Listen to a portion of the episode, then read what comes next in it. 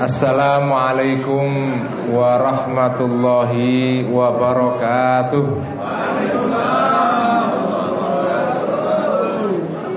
Assalamualaikum warahmatullahi wabarakatuh. Bismillahirrahmanirrahim. Alhamdulillahi alamin Wassalatu wassalamu ala ashrafil anbiya'i wal mursalin Sayyidina wa habibina wa maulana wa qudwatina wa qurrati a'yunina Muhammadin wa ala alihi wa ashabihi wa man tabi'ahum bi ihsanin ila yaumiddin Rabbi syrah li sadri wa yassir li amri Wahlul uqdatan min lisani yafqahu qawli. Rabbi zidna ilma warzuqna fahma. Amin ya rabbal alamin. Amma ba'd. Para rawuh, para sederek Para alim, para ulama Guru-guru, para kiai. Wabil khusus rencang kaulo rektor IAIN Tulungagung Profesor Dr. Maftuhin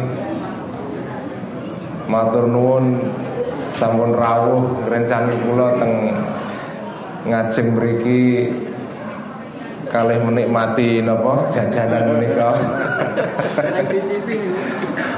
Ini kok pengajian kok wonten ambengane niki napa? Suronan nggih. Nembe pertama kali kula ngaos wonten napa jajanan jadahipun menika. Sederek Dr. Rizkon Hamami Mas Ahol Firdaus niki sedaya sederek-sederek kula Mas Mukhlas Ketua PAC Tambarjo Oh sumber Gempol. Nggih. Mas Imam Ghazali ingkang bekto kawula teng Tambarjo menika. Sepindah ngaturaken matur nuwun ingkang kathah kawula sampun dipun sukani majelis wonten ing masjid menika Kawula badhe matur dalam bahasa Indonesia soalnya ingkang derek ngaos dalu menika kuatah Mboten mboten teng mriki sarasan tapi wonten sing alam alus nggih. Dados kawula badhe matur ngangge bahasa Indonesia, mboten apa-apa Bu nggih? Bahasa Indonesia soalnya ingkang derek ngaos menika macem-macem nggih. Wonten tiang Jawi, tiang Sunda, Madura, Sumatera, Kalimantan, Ambon, wonten sing saking Irian Jaya mriku nggih Papua, wonten saking Hong Kong. Pokoknya macam-macam ingkang derek ngaos ihya menika. Jadi saya akan ngaji dengan bahasa Indonesia dan teman-teman yang ikut pengajian malam ini lewat akun Facebook saya selamat datang kembali pengajian Ihya atau Kopdar Ihya bulan suro menika rada aneh. Soalnya biasanya kalau ngaji Ihya niki seminggu sekali. Tapi bulan suro niki kalau ngaji Ihya minggu niki pun dua kali. Wingi ngaji Ihya tenggene Semarang, tenggene iki veteran nggih. Samenika teng Tulungagung. Terus niki rada mboten biasa nggih, seminggu ngaji dua kali. Dan semoga pengajian Ihya atau kedatangan saya di sini membawa manfaat, membawa barokah. Saya juga semoga dibarokai oleh teman-teman semua, ya. Niki saling membarokai, ya. Simbiosis mutualistis kalau bahasa kampusnya niku nggih. Saling membarokai kaula nggih dipun dongaken rencang-rencang sedaya mugi-mugi sakit ngaos ihya istiqomah sampai khatam. Karena ngaji ihya ini butuh waktu panjang ya. Ini maraton bukan sprint ya. Kalau lari maraton nih. Kitab ihya kok empat jilid niki baru jilid pertama dan saya ngaji ihya niki baru dapat beberapa halaman mungkin sekitar 30 halaman atau 40 halaman. Padahal kalau ngajinya ini pun hampir satu setengah tahun lebih pun. Satu setengah tahun lebih tapi baru dapat sekitar 40 halaman. Ya karena ngajinya sidik-sidik ya. Tapi nggak apa-apa. Ya. Yang penting dapat barokah Imam Ghazali. Poros derek sedoyo ngaos ihya itu penting sekali terutama buat warga NU. Okay. Kalau sukani mukot di mahrin kersane ngertos monggo. Iya monggo.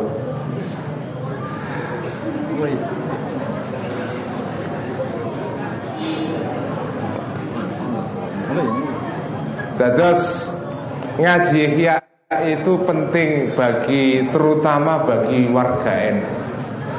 Karena Imam Ghazali ini hidupnya pada abad kelima Hijriah.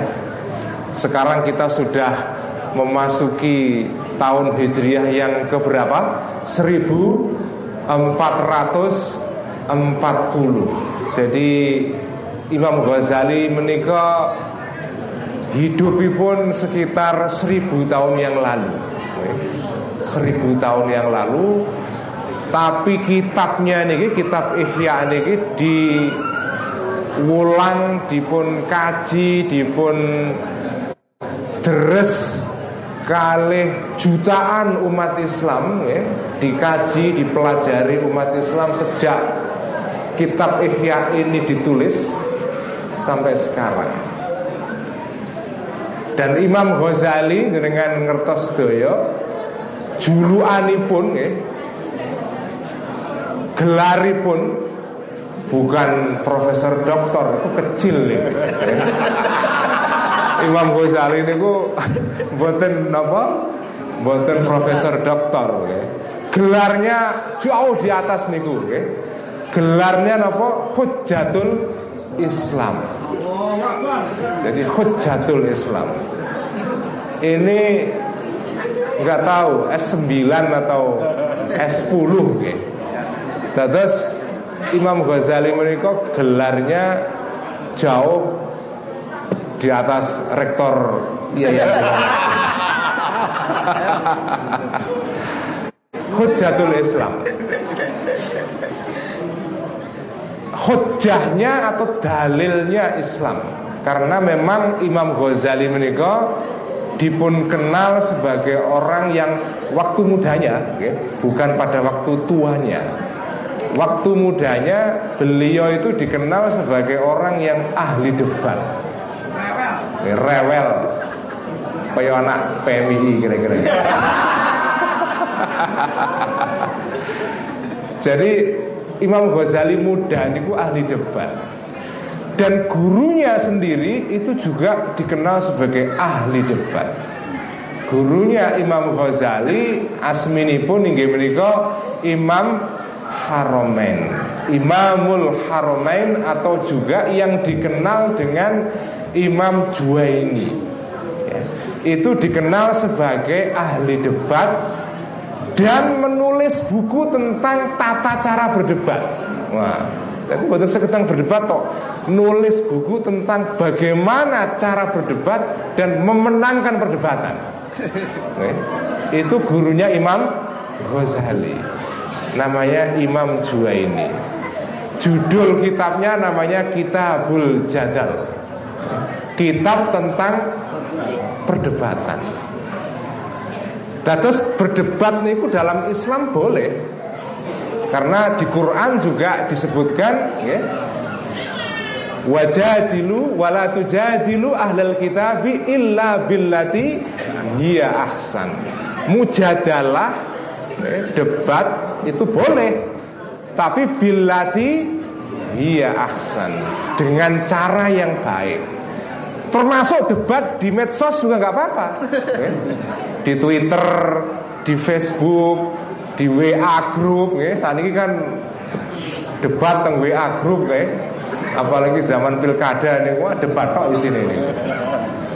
Berdebat itu boleh, tetapi bukan debat kusir, ya. debat yang tidak pakai ilmu, debat sing pokoke, ah itu bukan dilatih hiasan itu. Oke, okay? Bilati harus bilati hiya ahsan. Itu boleh. Okay? Mujadalah berdebat dengan ilmu. Okay? Itu boleh. Bil hikmah, okay? dengan hikmah alias ilmu itu boleh.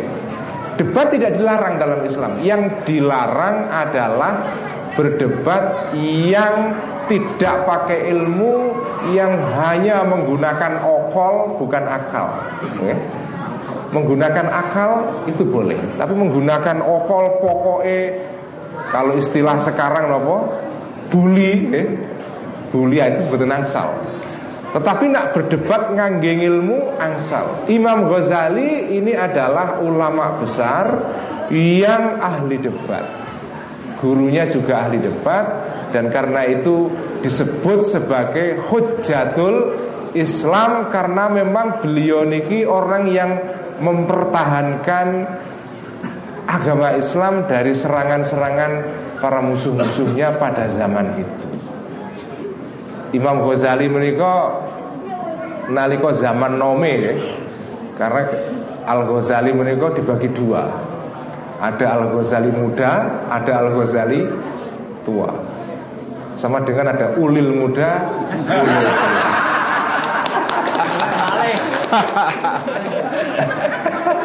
Jadi wonten Ghazali muda, ada Ghazali tua. Nah Ghazali muda, niku ciri-cirinya, ya kira-kira ya mirip-mirip dengan anak Ansor PMI ngoten Suka debat, ya. wah pokoknya aktif sekali. Ya. Sampai-sampai sudah sering saya ceritakan dalam pengajian Ihya Imam Ghazali itu karena waktu mudanya saking semangatnya berdebat kadang-kadang membuat tersinggung orang lain. Sampai beliau pernah diadili di negara bagian di provinsi namanya Khurasan ya. di Nisabur ya. di provinsi namanya Nisabur di negara Iran sekarang ya bagian utara yang hampir dekat dengan lautan laut Kaspia mereka. Nah, Imam Ghazali waktu zaman muda niku pernah saking semangatnya dan saking sukanya berdebat ya, beliau menikah menulis buku usul fikih judulnya Al Manhul min Ilmil Usul dan itu ditulis Pak Rektor Kitab Al-Manhul mereka ditulis Al-Ghazali pada umur belum genap 20 tahun.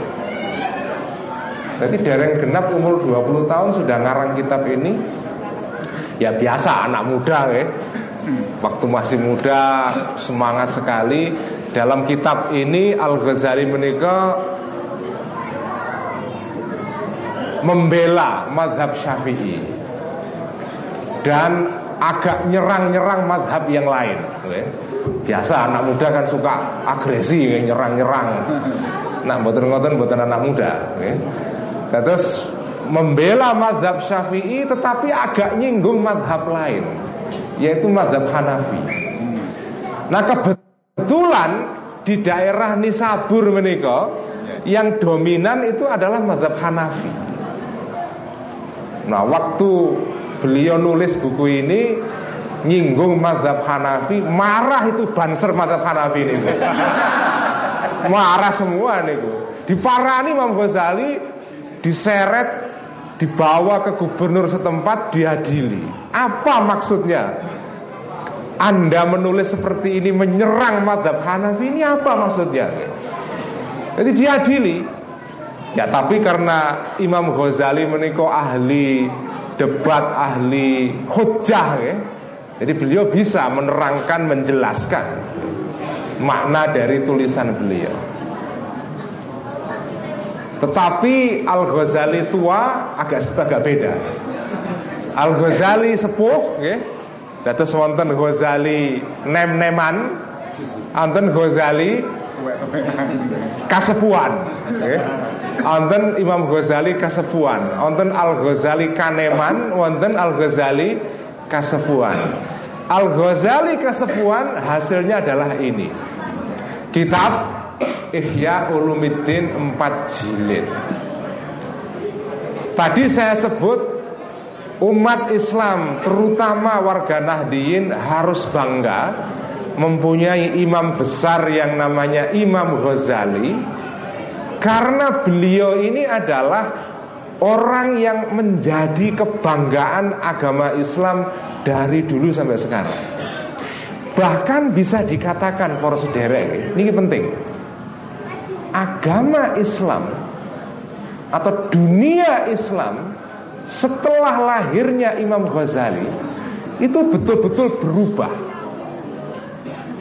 dalam pengertian yang positif. Berubah karena Imam Ghazali berhasil membuat rumusan tentang agama Islam, terutama akidah, yang mendamaikan ya, antara berbagai arus pemikiran, terutama arus pemikiran fikih. Ya.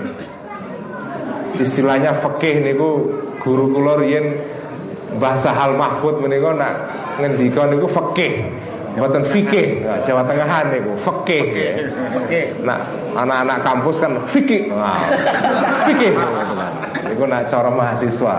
Tapi nak cara Mbah Sahal Jawa Tengah niku fikih nggih. Dados mendamaikan antara fikih dengan tasawuf.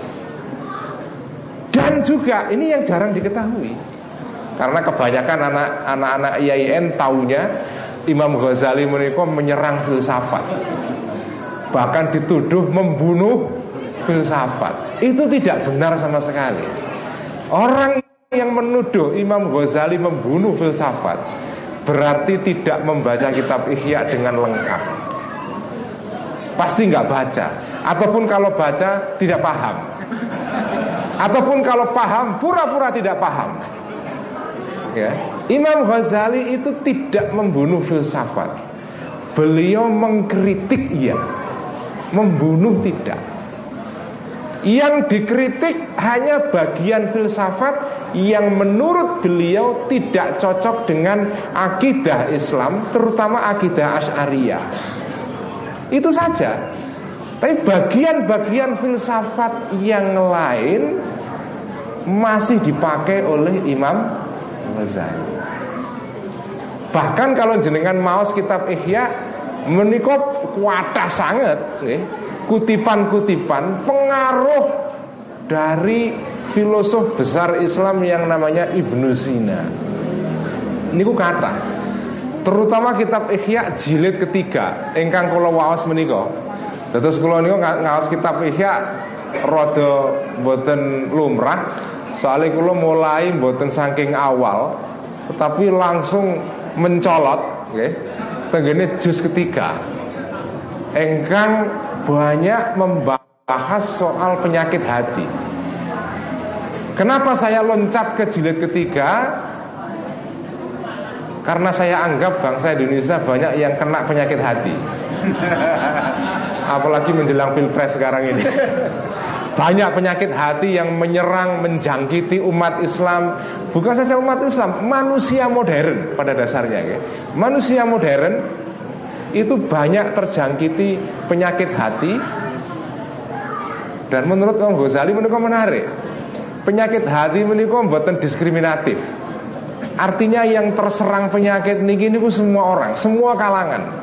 Dan makin tinggi tingkatan orang tersebut makin tinggi level ilmu dan level akademisnya itu serangan hatinya penyakit hatinya nopo malah nemen. Okay. malah nemen. Jadi penyakit hati menikah disesuaikan kali tingkatan orang bersangkutan. Okay. jadi kalau orang itu hanya S1 okay, itu penyakit hatinya ya enteng Tetapi nak pun profesor kados Pak Tukin menika. Wah penyakit hatinya makin tinggi. Okay. Karena menurut teorinya Imam Ghazali mengutip sebuah hadis, okay, Menika kula selalu ulang-ulang. Kula ngaji iki niku ngulang-ulang terus, betul napa-napa nggih. Memang biasanya ngaji niku ciri-cirinya mengulang-ulang memang. Karena nak setiap ngaji kok temanya baru terus pusing mengikiai ini. Golek tema baru terus nih. Terus menurut teorinya Imam Ghazali menika menarik sekali, terutama ini buat para ansor nih. Begini wonten ansor, wonten Ibnu, IPPNU, Fatayat wonten nggih? Engkang Fatayat ngacung Muslimat wonten umatnya Bu Khofifah wonten sedaya mriki. Dados menurut Imam Ghazali teorinya ini ya, ini teori akhlak, teori etika. Malam ini kita belajar filsafat etika, okay? Makanya yang mengatakan Imam Ghazali membunuh filsafat niku salah besar. Kitab Ihya bab sing kula maos niki niki sedaya pun angsal nggih. Sak lemper niki, niki sak lemper tapi nek diterangno sak semester niki. niki bagian engkang badhe kula waos dalu menika niki bab tentang filsafat etika atau filsafat moral. Teori tentang etika. Tentang akhlak kalau bahasa santrinya lah etika ini betul kok rada angel ya. Akhlak ya teori mengenai akhlak. Menurut Imam Ghazali mengutip sebuah hadis yang terkenal ya sabda kanjeng Nabi Shallallahu Alaihi Wasallam likulli insanin syaitonu likulli insanin syaiton setiap manusia itu punya penyakit yang intrinsik yang ada pada setiap manusia yang disebut dengan setan. Dan itu setan menikah buatan buatan apa ya? Bukan sesuatu yang berada di luar diri kita. Enggak. Setan itu sebetulnya tertanam. Embedded kalau bahasanya anak-anak muda sekarang embedded tertanam ya, di dalam diri setiap manusia kados program komputer meninggal ya. komputer diinstal aplikasi ada program dimasukkan ke dalam apa di dalam komputer atau handphone. Setiap manusia di dalam dirinya niku wonten setannya dan setan niku niku berevolusi setiap orang niku punya setan dan setannya niku kualitasnya disesuaikan dengan orang bersangkutan. Makin tinggi status ilmunya orang atau status ibadahnya orang, makin tinggi juga setannya. Karena itu tidak ada orang pun yang selamat dari godaan setan. Sampai sahabat kanjeng Nabi menikah naliko kanjeng Nabi ngendikan nih kok insanin syaitonuhu wonten sahabat engkang interupsi okay, interupsi bertanya. Dan pertanyaannya agak kurang ajar. Mungkin anak PMI sahabatnya ini. Rodo kurang ajar. PMI baru mapaba kan biasanya masih masih galak. Dan sahabat ini bertanya kepada kanjeng Nabi Nabi Termasuk kanjeng Nabi juga punya setan juga dalam dirinya itu pertanyaan sahabat itu, karena kurang ajar itu. Kaji Nabi juga punya setan. Dan kaji Nabi jawabannya iya. Saya itu juga punya setan dalam diri saya. Cuma bedanya kalau setan dalam kanjeng Nabi, dalam diri kanjeng Nabi itu setan yang sudah dijinakkan, yang sudah tidak bisa ngapa-ngapain, sudah dijinakkan, sudah dilumpuhkan, sudah diimpotensikan, dan nggak bisa lagi dihidupkan dengan obat apa pun. Ah ini kalau setan dalam diri kanjeng Nabi itu sudah dijinakan sehingga tidak bisa bekerja. Jadi kalau virus komputer itu sudah dikarantina, ya, sudah tidak aktif lagi, jadi tidak bisa bekerja. Tetapi selain kanjeng Nabi, selain kanjeng Nabi, kita kita semua ini semua dan makin tinggi tingkatan orang bersangkutan itu makin tinggi juga kualitas setannya nih. Dan terus nak kita tingkatannya niku profesor, itu setannya juga profesor. Ini Pak Rektor malah di sini jadi sasaran terus.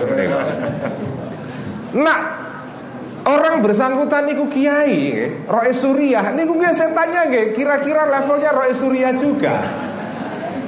Tapi nak nahdiin biasa, nggih, nahdiin biasa niki, nggak setannya nggak juga setan biasa. Ya. Remeh lah nggih. Terus setan niku kekuatan jahat nggih, kekuatan jahat niku setan. Evil niku berevolusi, berkembang ber nopo berkembang, berevolusi, bertumbuh sesuai dengan status kelas orang bersangkutan. Itulah teori akhlak menurut Imam Ghazali. Nah, apa pelajaran yang bisa kita ambil dari sana? Pelajarannya adalah niki penting poros deres doyo ya. Pelajarannya adalah orang Islam, orang mukmin siapa pun dia jangan merasa nyaman, merasa dirinya aman karena su sudah punya kartanu, sudah ikut latihan banser, ansor, PMI langsung nggak mungkin saya ini digoda setan itu. Aman kita, kartanu kok. Eh, itu tidak boleh. Orang mukmin pada level mana pun secara spiritual jangan merasa berada di dalam kawasan yang disebut dengan comfort zone, okay? zona aman. Gak ada. Semua orang kita sedaya menikah, boten berada dalam keadaan itu. Boten wonten yang ingkang selamat dari godaan kekuatan jahat menika. Karena itu kitab Ihya ingkang jilid ketiga menika ingkang badhe kawula waos dalu menika menika memang berbicara mengenai penyakit hati. Bab ingkang badhe kula waos menika judulipun menika bab dipun juduli dening Imam Ghazali Kitabur Riyadatin Nafs kitab tentang olah batin. Wonten olahraga, wonten olah batin atau olah rasa. Kalau olahraga wonten ASEAN gamenya. Kalau olah rasa kira-kira apa gamenya nih? Gak ada, gak ada. Napa tirakat, tirakat itu ASEAN gamenya. Ya. Medalinya bukan diberikan oleh Pak Jokowi, yang menang tidak mendapatkan satu setengah m ganjarannya mangke tengah herat ya. Jadas namanya judulipun inggih menika Kitabur Riyadhatin Nafas, kitab tentang olah rasa. Ya, topo broto, tirakat, ngerowot, ya. Nah, cara bahasa pesantrennya itulah kitab Riyadhatun Nafas. Ini pesan penting buat kita semua, ya. Semua orang Islam dan orang yang beriman harus okay, hukumnya wajib melakukan riyadhatun nafas. Karena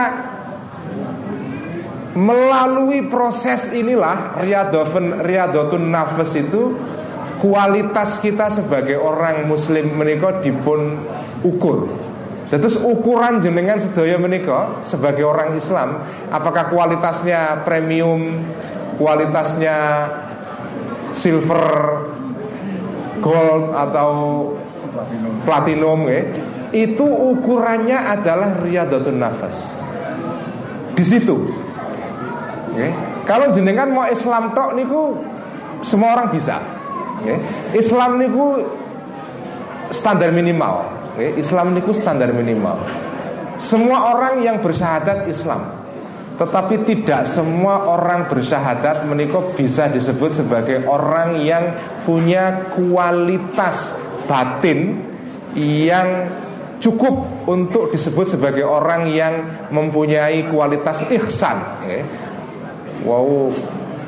Wow, kalau dijemput saking Malang dari Malang sampai sampai Tulungagung menika, kula diajak ngomong kali ketua PAC Ansor tentang ihsan terus nih kok. luar biasa ketua PAC Napa? Sumber gempol menika. Enggak ada ketua PAC yang ngajak ngomong Ihsan dari Malang sampai Tulungagung menika.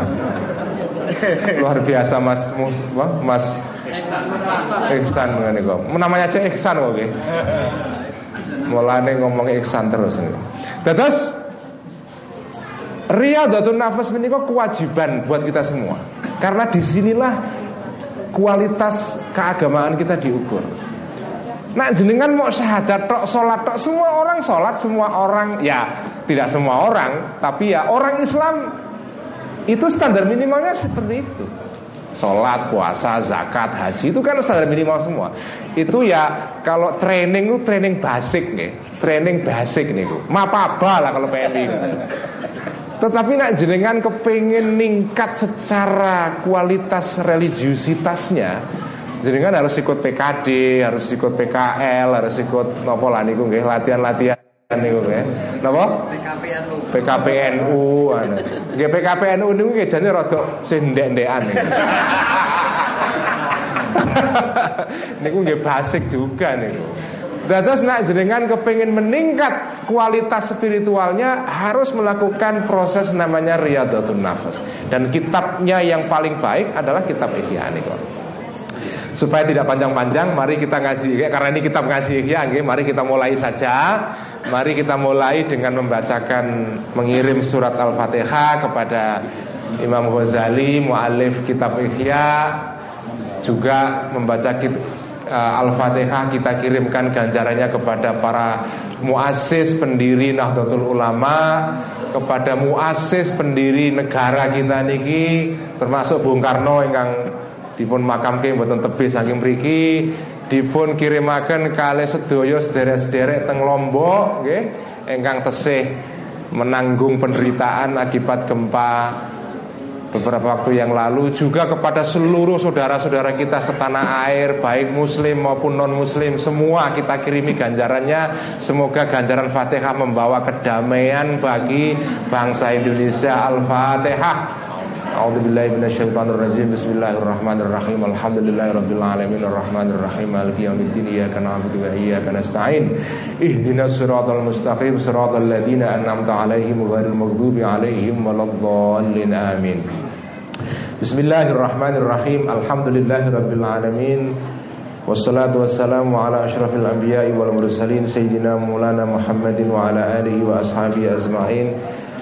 أما بعد فقال المؤلف رحمه الله تعالى ونفعنا به وبعلومه في الدارين آمين ربي يسر وعين Kitab Ihya halaman 936 ya.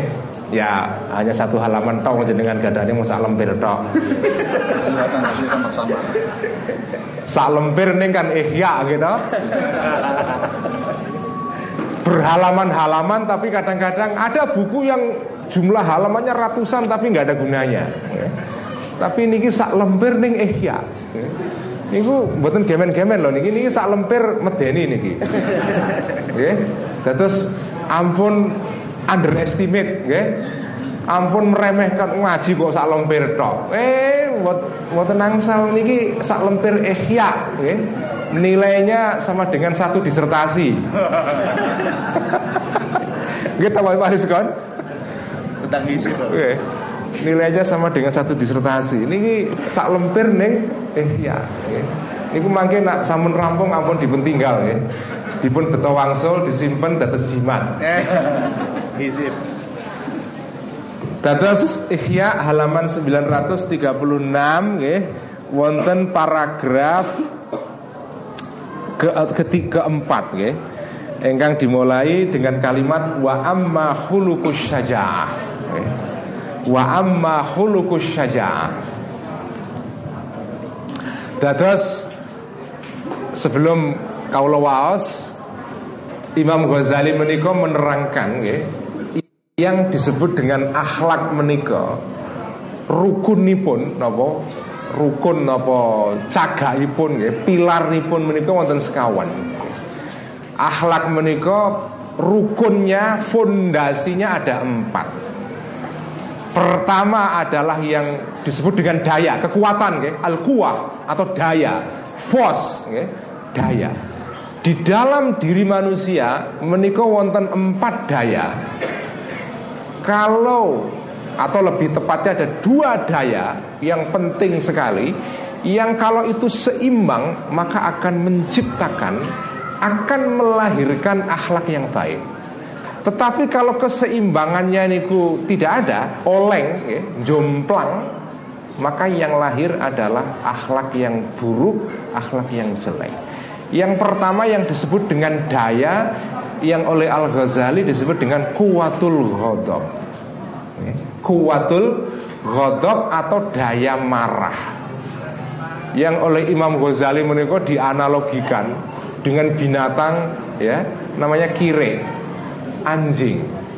Terus manusia menikah punya daya dalam dirinya yang disebut dengan kuatul ghadab, kekuatan marah. Yang diserupakan, ditamsilkan dengan anjing. Terus jenengan sedaya menikah punya ingon-ingon kiri tenggene dalam diri panjenengan sedaya menikah wonten kiri. Nah anjing menikah niku penting sekali. Karena kalau manusia tidak punya kuatul ghadab itu tidak punya cita-cita dalam hidupnya. Godok menikah nak diibaratakan kali sepeda motor menikah bensin. Menuso nak buatan kuatul buatan gadah kuatul godok itu tidak punya ambisi. Atlet-atlet Indonesia yang kemarin bertarung di ASEAN Games menikah Jojo yang terkenal di kalangan para ibu-ibu kemarin itu gara-gara buka nopo kaosnya itu tidak akan bisa bertanding memenangkan medali emas kalau dia tidak punya ambisi, tidak punya cita-cita, tidak punya target. Dari mana sumbernya target? Menurut Imam Ghazali, sumbernya itu kuatul ghadab.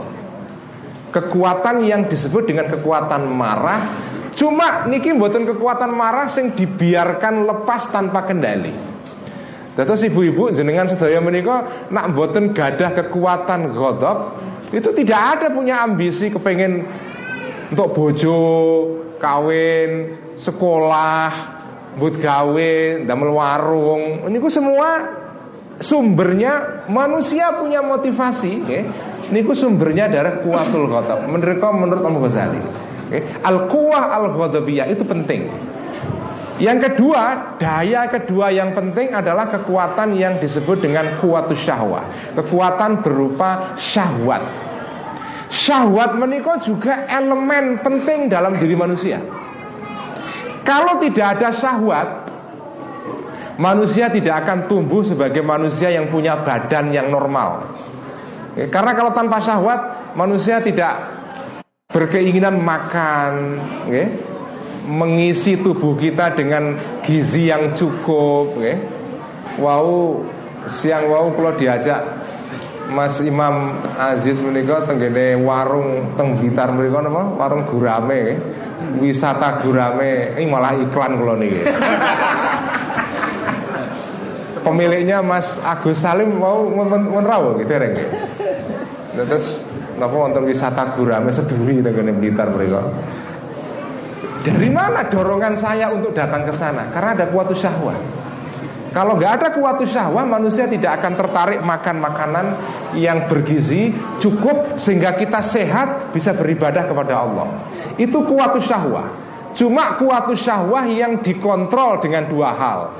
Makanya Al Ghazali menyebutkan ada empat daya dalam diri manusia. Dua daya yang penting namanya kuatul ghadab dan kuatul syahwat. Ini pelajaran penting dari Imam Ghazali ini. Terus manusia sedoyo nih, sederek sedoyo nih. Niku manusia niku gadah dua kekuatan. Niki kekuatan mendasar. Harus ada. Karena kalau manusia tidak ada punya nggak punya kuatul ghadab, nggak punya motivasi. Ya hidupnya tanpa tujuan, nggak ada orientasi, nggak tertarik melakukan sesuatu. Ah ini bahaya. Ya, makanya kuatul ghadab itu penting. Tetapi kekuatan niki harus dikontrol dengan namanya kekuatan daya yang oleh Al Ghazali disebut dengan dua daya, kuatul hikmah dan kuatul adil. Hikmah artinya kekuatan ilmu, adil kekuatan penyeimbang. Terus manusia menikah nak pun gadah empat daya niki kekuatan kuatul ghadab, kuatul syahwah, diimbangi dengan kuatul hikmah dan kuatul adil maka orang itu akan menjadi orang yang berakhlak baik. Seimbang. Jadi godop marah menikah seimbang. Kalau godop menikah seimbang lahirnya adalah disebut dengan kuatul syaja'ah. Berani. Tetapi kalau tidak dikontrol namanya kuatut tahawur kekuatan ngawur. Nah, ini anak PMI biasanya yang baru tahap-tahap awal ngawur-ngawur ya. Tapi nggak apa-apa. Manusia itu kadang-kadang dalam hidupnya perlu ngawur duluan ya, untuk belajar hidup. Penting loh niku nggih. Ngaji kiai ini memang kadang-kadang Memang biasanya ngaji kiai menikah tepatnya diikuti oleh orang yang diikuti oleh orang yang sudah umurnya 50 ke atas. Tapi sing melok ngaji ya begini iki nem-neman sedaya niki. Nah, tetapi ngaji ya menika harus tepat membacanya. Jenengan niku nak keburu tua terlalu awal itu malah mboten apik lho. Jadi ya uang niku kedah perlu ya kudu nom dulu, nggih. Wong nom niku watahe napa? Nggih kadang-kadang niku tahawur, ngawur, nekat nggih. Ya bonekan sithik nggih. Pokoke tapi tahap niku perlu dilalui Supaya orang punya pengalaman hidup Supaya nanti dia bisa Tapi jangan diterus-teruskan okay? Terus kuatul godop itu memang pada usia muda itu kadang-kadang kurang terkontrol. Tapi orang perlu punya proses namanya riyadotun nafas. Makanya Mas Rizkon, saya ngaji kitab Ihya di depan anak-anak muda begini PMI, Ansor, IPNU, IPNU gitu selalu nasihat saya Memang kitab Ihya ini kitab ditulis oleh Al-Ghazali Kasepuan Tetapi jenengan ngaji kitab niki nu kedah ingat Al-Ghazali riyen nggih nate noman. Jadi ojo terus langsung loncat tuh Neng jenengan walaupun masih muda perlu baca kitab ini sebagai gambaran. Nanti sampean sedoyo niki Walaupun pertama-tama kekuatan tahawurnya itu lebih besar Tapi harus tahu Jalan ke depannya niku ya ini. Jadi ini ngaji ikhya itu kayak memberikan peta kepada kita. Peta jiwa, peta mental.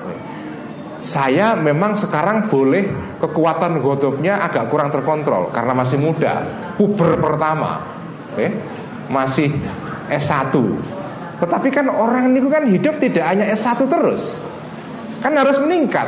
Wong ketua Ansor PAC aja kepengen S2 Oke, Apalagi yang yang lain-lain. Jadi harus meningkat pelan-pelan. Itulah namanya proses spiritual. Itu namanya riyadutun nafas. Nah Empat kekuatan tadi itu disebut sebagai fondasi akhlak. Nah Godop yang terkontrol itu akan menimbulkan daya disebut dengan syaja'ah. Ini yang akan saya baca. Wa amma khulukus syaja'ati. Adapun akhlak berupa syaja'ah kalau pondoannya niki idofah idofah lil bayan okay. khuluk yang merupakan apa artinya syaja'ah ya syaja'ah menikah keterangan dari huluk makanya namanya idofah lil bayan. Karena idofah menuko maknanya kata gitu. Idofah Islam Nusantara. Itu idofahnya apa? Apakah idofah lil milk menunjukkan hak milik seperti rumahnya Mas Rizkon? Itu idofah lil milki. Idofah yang menunjukkan hal milik hak milik Wonten idhofah sing tujuannya bukan lil milki, tetapi tujuannya adalah mak maknanya zorof tempat Islam Nusantara. Itu maksudnya apa? Islam di Nusantara. Orang yang nggak pernah belajar nahwu itu nggak nggak ngerti makna idhofah niku. Maknanya banyak. Ada lil milk, ada lil zorof, ada yang maknanya lil bayan. Nah, ini termasuk contohnya. Wa amma khuluqus syajaati Adapun akhlak yang berupa saja Fayas duru Maka akan muncul Kalau orang punya saja Itu saja menikah apa artinya? Keberanian ya. keberani. Wong nak diarani berani, wani, itu apa esensinya? Kita kan sering mendengar, wah si ini pemberani, pemberani. Apa maksudnya pemberani itu? Apakah pemberani itu artinya adalah berani naik motor ngebut di tengah jalan 120 km per jam tanpa melihat orang apa itu apakah itu berani?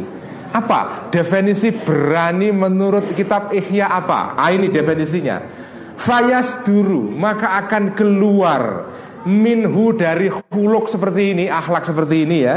Pertama al karomu sifat yang disebut dengan al karomu apa? Dermawan, loman. Kita cara Jawa ini niku. Al karomu loman. Orang kalau berani niku brabreh. Nggih. Brabreh niku bahasa Inggrisnya jenengan tahu Pak Yuskon? Wah weh. Wah, wah niku ora. Jo, niku bahasa Cina niku. Wah weh. Ya, wah weh. Lobo. Nah, bahasa Inggrisnya brabreh niku niku liberal. Liberal. liberal niku wah weh.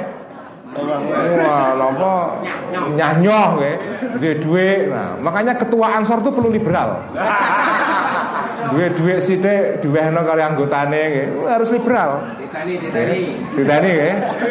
Terus bahasa Inggrisnya wah weh niku babreh niku nyanyoh niku liberal nggih. Maksudnya loman. Jadi orang kalau pemberani niku nggih Mas Ihsan niku cirinya adalah dia loman. Nggih, pemberi, dermawan. Wan nasdatu. Wah, ini banser nih. Lan suka nolong. Wah, kalau ada minoritas diserang, eh. wah ini maju an nasdah menolong. Itu karena pemberani. Pemberani ini bukan wani karo wong sing lemah. Ya. Wani ini pun mboten wani karo wong sing cilik. Wani nggih wani karo wong sing setara. Ya, nak wani karo wong cilik namanya bukan nasdah. Wani niku nak karo wong cilik wanine sajaah di dalam hubungannya dengan orang yang kecil yang lemah niku bentuknya adalah an-najdah. Menolong. Ya. Menolong orang yang lemah niku adalah berani. Jadi menolong orang yang lemah itu bentuk dari hulukus saja. Wasyahamatu dan syaham karena pemimpin niku biasanya orang yang ada di jabatan tinggi apa pun jabatan itu mau politik mau non politik itu pasti akan menjadi sasaran bully gitu betul. Makin tinggi orang niku pasti makin menjadi sasaran cercaan nyek-nyekan nyinyiran gitu makin tinggi makin makin deras makin tinggi juga nyinyiran orang lain itu. Nah kalau jenengan berani atau mau menahan diri tidak marah, memaafkan perlakuan-perlakuan jelek dari orang lain yang kurang menyenangkan itu namanya al-ikhtimal atau al-khilmu isim sifatnya al-halim ya. lembah mana wah niki niki bahasa kan, ka, kasepuan nih lembah mana wal khilmu wal khilmu dan sabar. Nah, wow okay. sabar dalam pengertian lembah mana nih wow wasabatu dan sabar di dalam menghadapi cobaan. Ini sabat okay. misalnya dalam keadaan perang menghadapi musuh tidak lari itu namanya asabat itu namanya asyaja'ah Wakazmul ghaidhi Ah ini yang penting Wakazmul ghaidhi dan menahan marah Itu orang berani itu Orang berani itu bukan orang yang temperamental yang sedikit-sedikit marah, bluderkan itu buatan berani niku. Okay? Ibu-ibu ya, mbak-mbak sedaya berani niku buatan sidik-sidik ngamuk. Niku buatan berani. Wah, Pak Ibu kok wani ya. Maksudnya wani ngamuan niku mboten wani niku. Wani niku justru intinya adalah kazmul ghaiz atau dalam di Quran disebutkan wal kadhiminal ghaidha wal afina anin nas. Itulah saja. Itu definisi saja menurut kitab Ihya. Okay? Nah, ini yang penting lagi. Wal waqaru dan sikap tenang, tidak panikan. Wah, ini penting ini. tidak napa Mboten kagetan. Wah. ini kasepuan kok anu nggih. Bahasane Bahasane tepat sedaya niki. Nem-nemane rada kurang pengalaman. Wal waqaru dan tenang, boten kagetan nggih, ora kagetan. Nah itu wal waqar. Orang yang berani adalah orang yang tidak kagetan menghadapi situasi cool. Kalau bahasa anak mudanya nggih, cool, nggak nggak kagetan, dia tenang tapi dia bisa berpikir dengan logis, berani mempertimbangkan segala aspeknya dan tidak panikan. Itu namanya berani. Jadi berani itu bukan berarti terus ngamuan, terus bertindak nekat, agresif tanpa pertimbangan. Ini orang wani ini. Janjane kalau menurut psikologi Wong niku nak janjane wong sing ngamuan niku. Janjane niku jereh janjane. Orang yang ngamuan niku niki menurut psikologi ya. Orang yang suka marah atau mudah marah, mudah melakukan agresi atau serangan kepada orang lain. Janjane niku penakut. Tapi cara dia menutupi ketakutannya, Mas Iksan ini, ya, niku dengan cara sok Wah, wah apa? Kepalan tangannya tinggi sekali. Padahal jari medina nih. Ono gendruwo itu melayu ya. Ya itu ada orang yang secara penampakan niku seolah-olah pemberani, tapi janjane itu untuk menutupi rasa jireh ketakutan dalam dirinya. Makanya sifat saja niku salah satu cirinya ini nggak tahu Al Ghazali ini psikolog sebetulnya ya. ahli jiwa. Beliau itu seperti mengerti jeruan manusia nih kok. Janjane wong nak wani niku ora kok terus wani nyerang-nyerang wani ngamuan. Orang yang justru sifatnya adalah al-waqar tenang, tidak panikan, ora kagetan. Itu adalah ciri orang berani. Jadi nak ana wong kok ketoke menengan, itu jangan dibilang dia penakut. Justru itu orang yang kadang-kadang malah Tapi ya ono wong sing menengan ya jerit temenan Ya ono Ono sing apa menengan jerit ya bener ono memang. Tapi ada yang tenang justru karena itu adalah refleksi cerminan dari sifat pemberani. Itu namanya al-waqar. Nah yang lain Wat Ini, ini malam ini kita Pak Rektor malam ini kita belajar tentang sifat pemberani ya. Gak tahu kok kenapa kok ditulung agung saya kok. Karena saya ngaji ya ini kan urut berminggu. Jadi saya ngaji ini baca nih dari kata per kata. Terus betul kok wah karena saya tulung agung terus tak incer ngaji ini ketoe kok karena ini daerah reok ya. Wah, harus ngaji saja. Enggak. Yus ya tekan kene ya tekan kene. Enggak tahu kok tekan tulung agung kok ngajinya saja nih. Ya dilalam mawon. Jadi salah satu ciri khas asyaja'ah adalah wat dan as, napa asih, napa Me, mengasihi orang lain, asihan, ya. orang yang mengasihi orang lain, atawadud, itu tawadud. Tepo seliro, welas asih. Tawadud itu welas asih. Orang yang senyum, welas asih, ya. itu nama itu pemberani.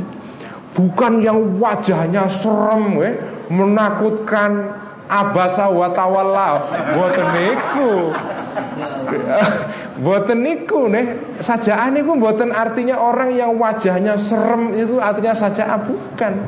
Justru atawadud orang yang wajahnya justru menyenangkan dilihat oleh orang lain. Itu namanya saja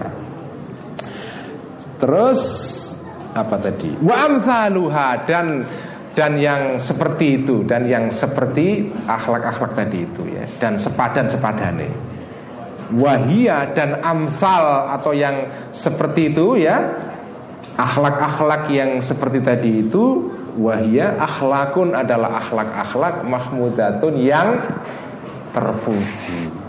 Inilah saja dan syaja'ah itu menurut teorinya Imam Ghazali muncul karena kita bisa mengendalikan kuatul ghadab. Jadi kuat, terus niki ini penting. Orang niku punya rasa marah niku penting. Karena dari situlah lahirnya akhlak. Nah, wong niku kok orang duwe godop itu nggak punya akhlak.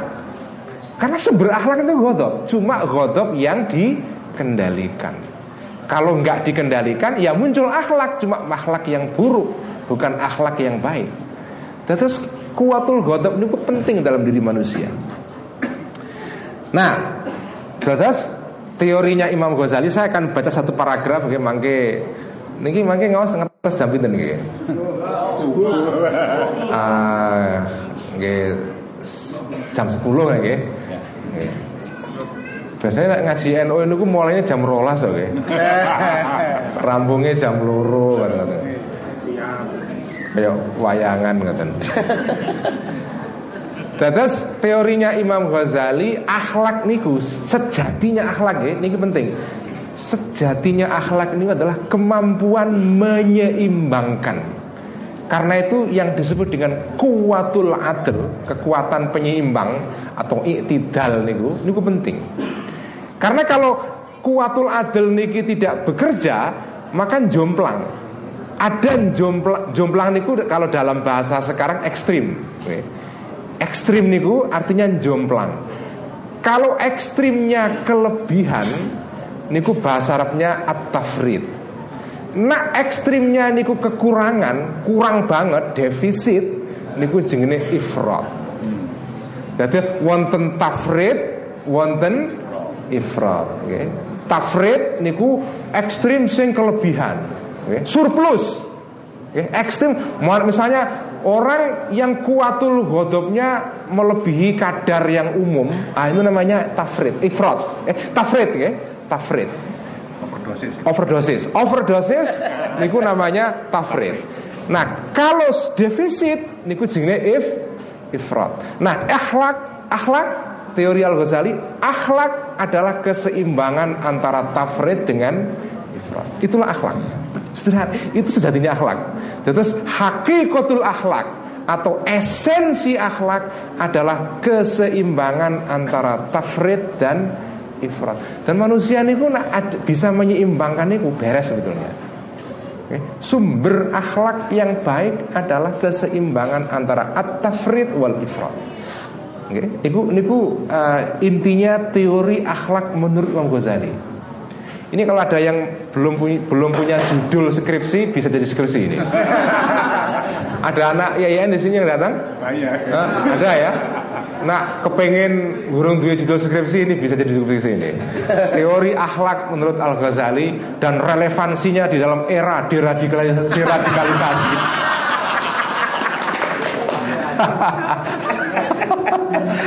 bisa jadi judul skripsi ini. Datas niku, akhlak niku esensinya adalah keseimbangan antara at-tafrid dengan al-ifrat. Sederhana, itu teorinya Al Ghazali. Tapi nanti dibahas ya jadi sabab nih, sak kitab nih. Dan seni ku akhlak. Nah, itu kalau seimbang. Nah, sekarang kalau tidak seimbang bagaimana? Wa amma ifratuha dikasih gambaran. Wa amma ifratuha adapun ekstrim defisitnya kuatus saja. Wah, jadi kuatus saja yang ekstrim tapi defisit. Jomplang tapi jomplang kurang. Niku ifrat ya. Apa yang terjadi kalau seandainya kuatus saja niku jomplang neng jomplangin jomplang kurang. Itu namanya ifrat. Apa yang akan muncul? Wa amma ifratuha. Dan adapun ekstrim defisitnya kuatus syahwah Iku nak dimaknani nganggo Arab pegon itu ekstrim defisit lan nulis piye iku? Yeah. Susah defisit ini ku nganggo Arab pegon kan susah Pak. Defisit know.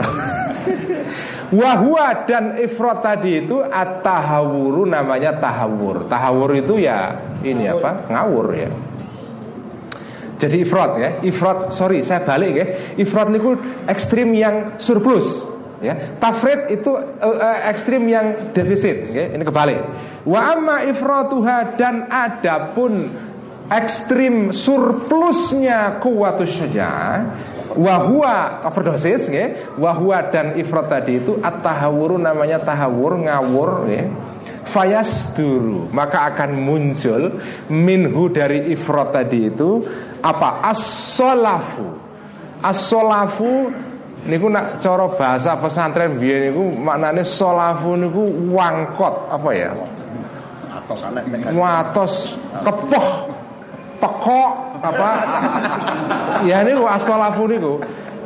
Karena asolafu niku maknanya adalah besi baja niku loh begudul wah pokoknya bisa Jawa nak soal-soal niku paling pinter nih kok istilah-istilah Jawa nak soal-soal konten niku paling lengkap we. begudul apa nih pekok we. bedodok bedodok we. Dadi as-salafu niku sifat pekok mau susah dikandani gitu. Pokok pokoknya niku ya kayak orang-orang yang sekarang sudah edan politik nih loh apa. Ora angel dikandani wis wis seneng kandidat tertentu, angel dikandani. Wal badahu dan sifat napa nggih berlebihan nggih. Badah niku ya berlebihan, ekstrim nggih. Wal istisyatatu dan sifat apa gitu? Kalau bahasa politiknya sekarang itu ada istilah yang tepat Euforia Nah ini istisyato ya. Euforia Menang terus bunganya karu-karuan ya. Pendukung Real Madrid menang El Clasico Wah langsung Esoknya Langsung ngenyei karo sing pendukung Barca ya Ah niku al istisyato ya. Ini ning kene iki ana sing seneng bola ora sih? Eh? Ada yang pendukung Real Madrid, Barcelona, atau Persib malah apa? Eh, Persebaya. Wal Persela ya, sing cedak Lamongan. Wal istisyatatu dan dan apa uh, antusiasme yang berlebihan, euforia, ini istisyato. Itu saja yang ekstrim berlebihan yang overdosis. Termasuk juga wat takaburulan gumedi, takabur, arogan, sombong. Wal ujbu dan menyombongkan diri. Jadi kalau takabur niku orientasinya lebih keluar, ujub niku internal, eh, ke dalam diri. Niku ujub. Karena dia merasa soleh ibadahnya banyak, eh, pasane lengkap, ya mulai terus terus dia merasa dirinya itu mongkok. Mongkok merasa dirinya paling saleh. Tapi orang diunaike ujub niku nggak diunaike cuma ketok dalam bahasa tubuh. Nak takabur diunaike oh kowe iki apa cah cilik sekolahnya satu aku wis profesor. Nah, itu takabur ya. niku takabur niku. Cakene cakene ya. Tambah rejo apa iku? Ah niku takabur ning nak ujub niku ora diunekno ning dirasakno ning gone dalam diri. Ini ku bedanya takabur kalian ujub ya ujub niku takabur ning sing gak diucapkan. Tapi kelihatan dalam bahasa tubuh. Ketok uang niku nak nak ujub niku okay. Pokok ketok lah. Jenengan sakit merasakan. Okay. kalau orang niku ujub niku ketok. Ketoknya orang takabur tapi bukan eksplisit. Niku ujub takabur tapi implisit. Tersirat tidak kelihatan neng orang yang ada di samping orang itu bisa merasakan. Niku namanya ujub. Karena itu ujub niku penyakit hati. Takabur niku nah takabur niku janjane ya mboten apik ning mboten sepiro justru nah niki nak poro nak menggah anu nggih menggah para wali-wali ahli tasawuf takabur niku penyakit yang agak agak ringan justru yang berbahaya niku penyakit napa? Ujub itu jauh berbahaya. Takabur yang tidak dikatakan. Kenapa lebih berbahaya? Karena orang ujub niku ketoke niku tawadu ning janjane ning dalam hatinya. Niku takabur. Kan menipu niku kan. Ketoke mboten takabur. Ning janjane kalau dibedah dadane didelok isi atine pambake niku takabur. Terus niki berbahaya, ada takabur tapi juga ada unsur menipu. Kelihatannya dia tidak takabur tapi dia takabur. Aniku al ujub niku penyakit termasuk penyakit hati yang paling ditakuti oleh para ahli ibadah. Karena niku ini saya sudah sering bercerita ya, dalam berbagai pengajian ya ada torekoh tarekat para sederek yang namanya ini pun torekot malamatiyah. Oke, torekot malamatiyah. Di Indonesia kurang berkembang karena memang torekot niki torekot yang berat sekali. Pengikutnya orang-orang yang memang sudah teruji betul secara spiritual. Gak semua orang bisa. Nah ciri torekot malamatiyah niku itu unik sekali. Orang-orang yang mengikuti tarekat ini filosofi hidupnya adalah nak kue kumpul karo wong akeh, ojo ketok dadi wong. Hmm. Piye kayak gitu itu. Nek kumpul wong akeh, ojo ketok dadi wong apik. Kalau kumpul banyak orang Jangan kelihatan menjadi orang yang religius Soleh, syar'i, islami Ya lah pokoknya itu Tetapi kalau kamu sendirian hanya berhadapan dengan Allah, maka di situ arena menjadi orang soleh yang sungguhnya di situ. Karena kalau menjadi tampak menjadi orang soleh di depan orang banyak, ini gampang. Terus betul, gitu? Menjadi orang soleh di depan orang banyak, ini insentifnya banyak. Insentifnya banyak. Yang menjadi baku ujian itu justru menjadi soleh kalau tidak ada orang. Di depan orang banyak, sholat rawatifnya lengkap, wiridane dua Gitu dongane wah luar biasa. Nih begitu sholat sendirian ya mak lepek ah, itu itu bukan kesalehan itu. Torekot malamatiyah justru ajarannya nek kumpul wong akeh aja kita dadi wong apik. Karena kalau kumpul dengan orang banyak tampak jadi orang baik, ada godaan kita merasa diri bangga, takabur karena merasa wah orang lain jelek saya baik. Itu penyakit. Makanya kalau ada orang kok kelihatannya di depan umum kok orang itu jelek, jangan-jangan dia itu torekot malamatiyah itu. Nah, terus ampun disengeni rien, didulok-dulok sih, jangan-jangan wali itu. ada. Jeleknya hasil Lange, terus itulah asiknya jadi santri NU niku kalau melihat orang yang buruk tindakannya niku tidak buru-buru menghakimi. Ini kan ajarannya nggak tentu. Nah jenengan ngaji kitab Lubul Usul menika bagian akhir kan isinya tasawuf ya sidik ya. Kitab usul fikih yang diajarkan teng madrasah-madrasah teng pondok NU karangannya Imam Zakaria Al-Ansari Ini kan bagian akhirnya Yang kutipan yang selalu saya ingat Waktu saya ngaji dengan Kisah Al-Mahfud Rubba amalin yutasawwaru bisurati apa itu? Amali ahlil akhirah. Ya. Banyak amal yang seolah-olah kelihatannya amalnya ahli akhirat. Nin janjane nak ditelisik diteliti dibedah. Janjane di dalamnya adalah kepentingan duniawi. Ada amal yang kelihatannya duniawi ya. Ngingoni gurame ikan patin. Eh, duniawi kan ini nak ditelisik jerone Wah jangan-jangan itu justru ikhlas Malah amalnya ahli akhirat Wah. Ini motivasi untuk ansor tambah rejo Kita banyak amal yang kelihatannya duniawi Neng ukhrawi Yang kelihatannya ukhrawi Neng duniawi Itu ya. Berarti bela Islam neng janjane yang bela kelompok dewe. Iya, jadi kayak gitu. Makanya ah, itulah asiknya ngaji tasawuf niku. Ngaji tasawuf niku nak kalau bahasa filsafat deridanya niku, filsafat eh tasawuf niku janjane dekonstruksi.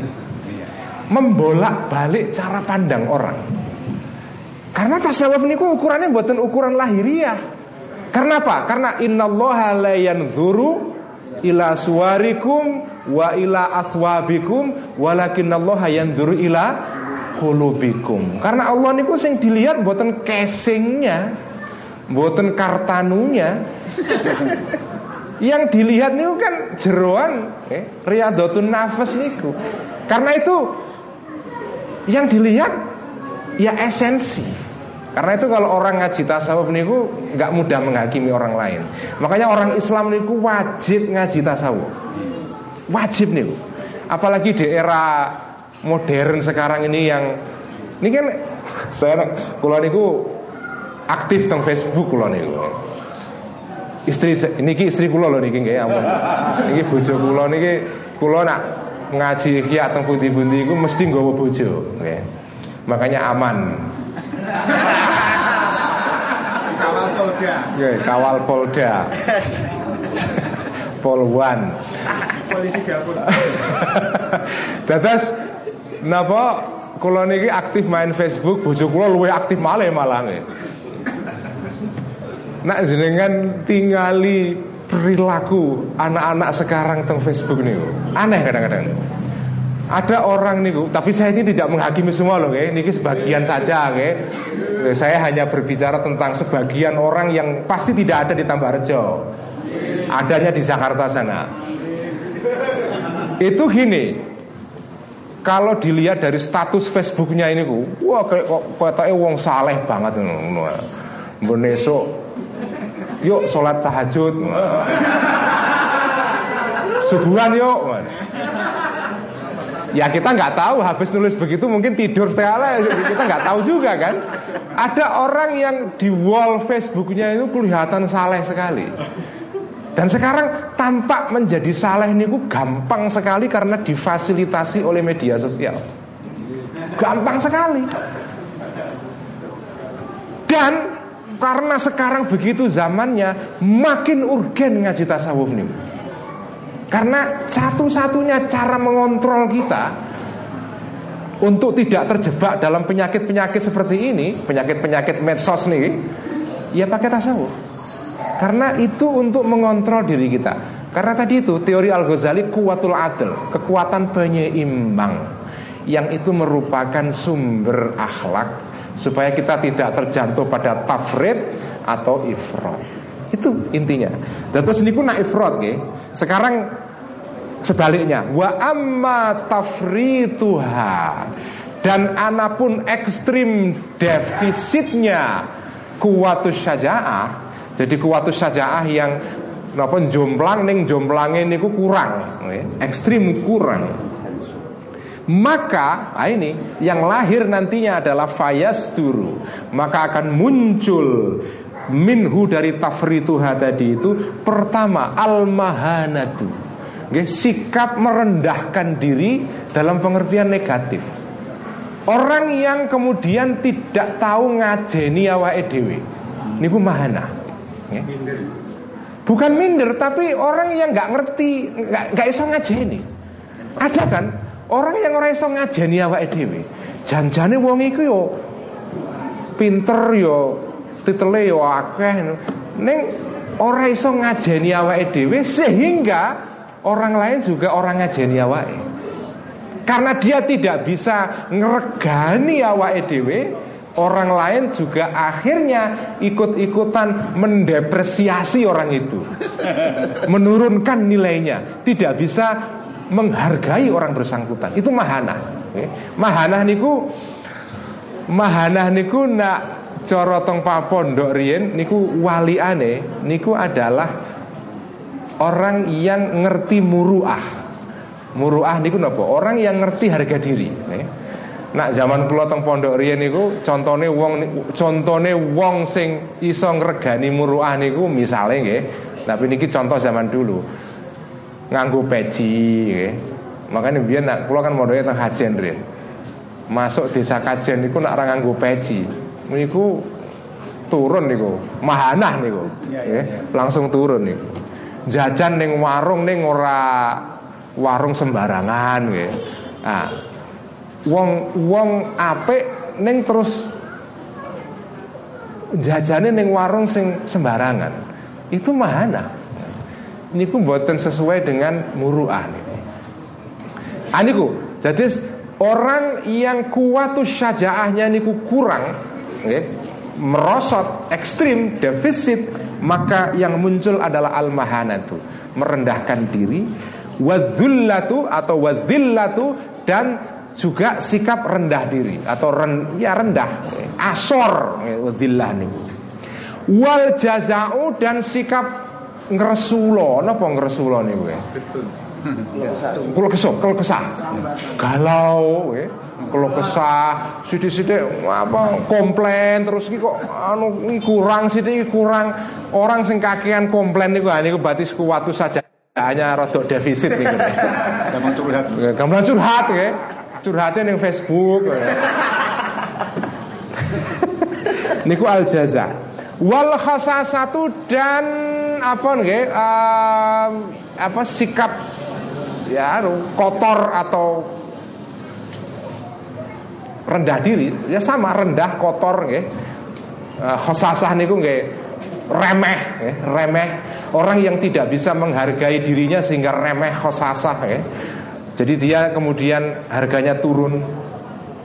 Wasighorun nafsi. Nah ini wasighorun nafsi dan rendah diri dalam pengertian inferiority complex. Apa? Cile ati Niku sigorun nafas okay. Wasighorun nafsi lan cile aten Niku wasighorun nafas Niku adalah akibat dari Kuwatus syaja'ah yang ekstrim defisit Kurang okay. Bahasa Arabnya tafrid okay itu juga akhlak ya. namanya uh, apa sih gorun nafas itu akhlak cuma akhlak yang elek akhlak yang jelek ini namanya sigorun nafas wal ingkibadu dan sikap kalau bahasa psikologinya itu sikap introvert apa mengurung diri ya. tertutup eksklusif ya. orang wani ngomong jerehan grogi niku ingkibat ya. ngadepi wong liya ora wani ya. PDKT, nah ini sing jomblo-jomblo ya. PDKT ragu-ragu ya. Wis duwe dedekan ning ora wani maju. Ah niku ingkibat niku. Wal ingkibatu dan itu mengkerut ya. Secara harafiah maknanya mengkerut ya. Orang yang introvert, tidak berani ngomong, nggak berani menyampaikan isi hatinya, itu namanya ingkibat. Itu juga akhlak, cuma akhlak yang tidak baik. ya. Itu akibatnya adalah dari kuwatus syajaah yang kurang. Wal ingkibatu dan mengkeret antana wulil haki dari memperoleh hak al wajibi yang wajib ya. Dia punya hak tapi nggak berani membela. Oke. Orang yang punya hak yang benar tapi nggak mau nggak berani membela diri. Itu juga akhlak tapi akhlak yang jelek.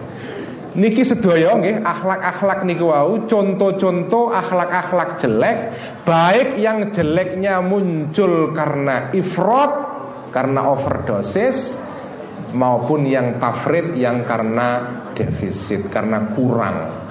Sumbernya kuatus syaja'ah. Syaja'ah sumbernya kuatul ghadab. Ini teori akhlak etika atau filsafat etika menurut Al-Ghazali. Itu sumbernya ghadab nak terkontrol dengan kekuatan keadilan singene syaja'ah. Okay. Nak syaja'ah jomplang jomplang ke keluwen kelebihan munculnya tadi itu sifat-sifat yang sudah disebutkan tadi itu. Nek kekurangan juga sama.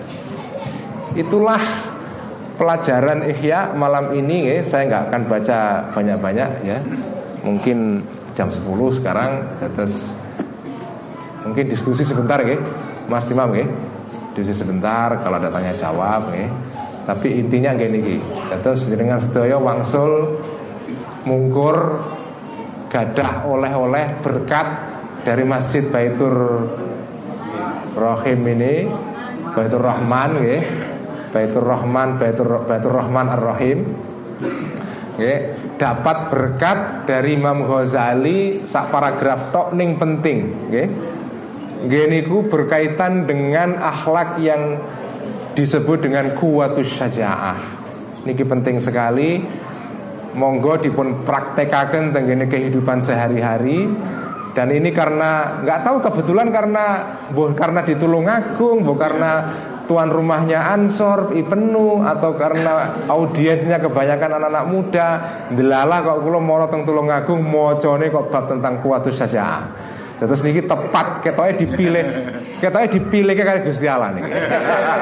Dipilihno kuatus saja niki dipraktekaken nggih. Terus intinya akhlak niku menurut teorinya Imam Ghazali adalah keseimbangan antara ifrat dengan tafrid konteks kuatus sajaah gini wau. Sajaah niku adalah keseimbangan antara tahawur dengan apa itu uh, aljuben atau nopo ketakut itu tengah-tengah nih.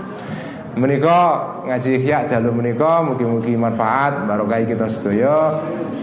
Monggo dipun terasaken diskusi tapi sebelum niku mungkin kaulo kepingin Pak Rektor IAIN Tulungagung Profesor Dr. Maftuhin memberikan syarah atas kitab Ihya.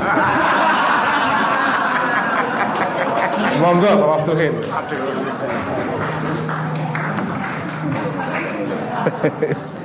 Assalamualaikum warahmatullahi wabarakatuh. Waalaikumsalam warahmatullahi wabarakatuh. Uh, Mbak, anu, no sewu. Niki supaya masuk TV. oh.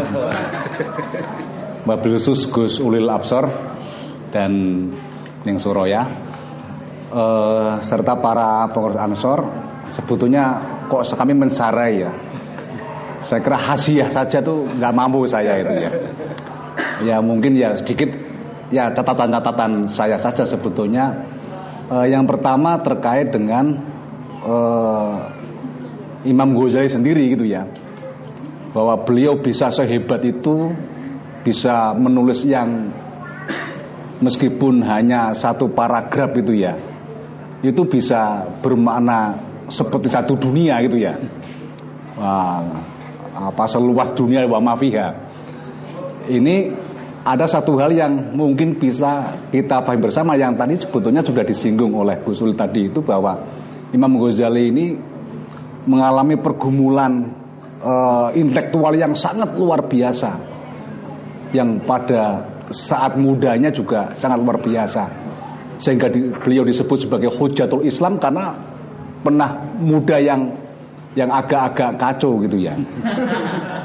Tapi ya ya uh, kalau Guslil dulu apa ulil al qadim dan ulil al hadis itu jadi itu ulil al qadim itu kan katanya apa liberal itu ya tapi al jadid sekarang tasawuf, uh, tasawuf itu ya tapi beliau kayaknya tidak bisa dijadi, uh, menjadi hujatul Islam. Kenapa? Karena Imam Ghazali itu pernah jadi rektor. Hmm. Jadi beliau mengganti gurunya Imam Al Juwaini Al Imam Al Haramin Al Juwaini itu uh, sebagai rektor Al Indomia. Karena itu untuk menjadi hujatul Islam, Gus harus jadi rektor dulu. Iya. Iya. Iya. Jadi nakalnya Imam Ghazali itu ya ketika sebelum rektor sebetulnya. Nah, terus sekalian jadi nakalnya sebelum rektor. Kalau sudah rektor sudah gak boleh nakal itu. Ya, ya agak-agak. Tapi masih masih masih masih juga itu ya masih terikat juga. Nah pergumulan inilah ketika kemudian Imam Ghazali menjadi rektor itu ada uh, yang awal-awal karyanya itu hampir semua uh, intelektual akademik murni karena Imam Ghazali sendiri itu kalau sekarang S1-nya itu ya itu bukan sajana fikih. Bukan sajana tasawuf. Karena itu kalau nanti menulis skripsi itu kok dengan dengan dengan apa dengan ini dengan Imam Ghazali saya kira kurang pas. Karena Imam Ghazali itu skripsinya skripsinya itu matematika. Jadi memang memang luar biasa intelektual Imam Ghazali seperti ini Karenanya meskipun beliau adalah seorang pada akhirnya ya Al Ghazali uh, Asani itu ya. Tapi pada Azali al awal itu beliau disebut sebagai al mualim athalis. Jadi dia guru ketiga. Dari apa? Dari kemampuan Imam Ghazali mengintrodusir atau apa ya? Ya mengenalkan filsafatnya Aristoteles di dunia Arab dengan karya yang cukup cukup terkenal pada waktu itu Miyaru Ilmu yang kemudian masuk ke fikih menjadi Al-Mustasfa. Bahkan kemudian Imam Ghazali di Al-Mustasfa itu mengatakan manatako bila mantikin falah Ya, siapa yang berpendapat tanpa menggunakan logika, maka pendapat itu tidak dapat dijadikan sebagai argumentasi, tidak dapat dijadikan hujah. Itulah Imam Ghazali pada masa mudanya. Karena itu saya kira meskipun tadi Gus Ulil itu menganjurkan Ansor belajar ihya itu ya. Saya kira e, harus lebih dulu belajar pertarungan Imam Ghazali dalam intelektual yaitu dalam miro ilmi atau maqasidul falasifahnya atau apa nanti kalau fikihnya ya al mustasfa yang nggak pernah dibaca di pesantren ini fikih ini. Karena bisa membahayakan itu ya. Itu bisa meruntuhkan Imam Ghazali sebagai seorang sufistik ya.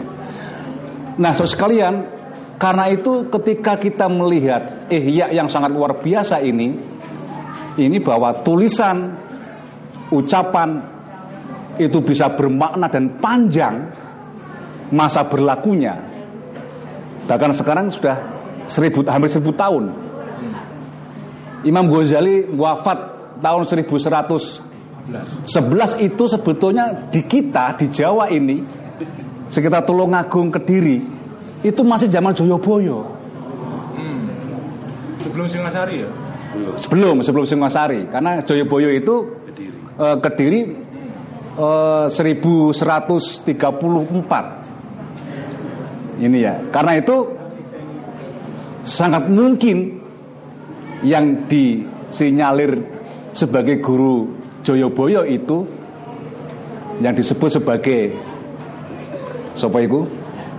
Uh, ini Samsudin ya atau dalam tulisan Jawa itu Samsudin itu ya. Ya Samsudin. Atau difahami sebagai Syekh Subakir sangat mungkin beliau adalah muridnya Imam Ghazali. Kemungkinan ya baru kemungkinan kemungkinan sangat mungkin. Kan dikenal Imam Ghazali eh, uh, Syekh Subakir itu kan berasal dari Persia. Nah Imam Ghazali itu kan kelilingnya kan di Persia. Ya kelilingnya di Persia. Uh, di Nesabur dan macam-macam itu ya. Ya mungkin nanti ada Al Ghazali kedua itu ya nanti Gus Ulil kelilingnya di Jawa gitu ya. Tulungagung. Sampai Tulungagung, sampai desa-desa gitu ya. Nah ini Imam Ghazali juga sama dulu ke desa-desa seperti itu keliling terus itu ya. Nah karena itu e, sebetulnya e, penting catatan saya bahwa e, pada saat Imam Ghazali menulis ini sebetulnya ini bukan kutipan. Karena itu ihya itu tidak banyak kutipan. Ya, kutipannya ya kutipan yang sangat sangat sederhana ya kutipan hadisnya pakai footnote ya. Ya, pakai footnote itu ya. Nggak ada footnote itu ya, nggak ada footnote. Cuman kalau di kita sekarang yang boleh nggak pakai footnote itu hanya profesor Pak Ulil. yang S1 itu pakai footnote apalagi masih ketua PAC Ansor itu ya. Jadi itu sudah pakai footnote, pakai rawahu kan itu kan. Nah, karena itu karya-karya seperti Imam Ghazali inilah sebetulnya ini karya pengalaman pribadi. Jadi kalau misalkan Imam Ghazali bilang bahwa misalkan dalam diri manusia ada setan, dia mengalami dirinya pernah menjadi menjadi seorang setan itu ya. Ya karena itu anak-anak muda itu jangan takut ada setan di dalam diri anda itu ya. Yang masih muda-muda itu ya, nggak usah takut. Yang penting nggak kesetanan itu loh. Maksudnya apa? Keterusan.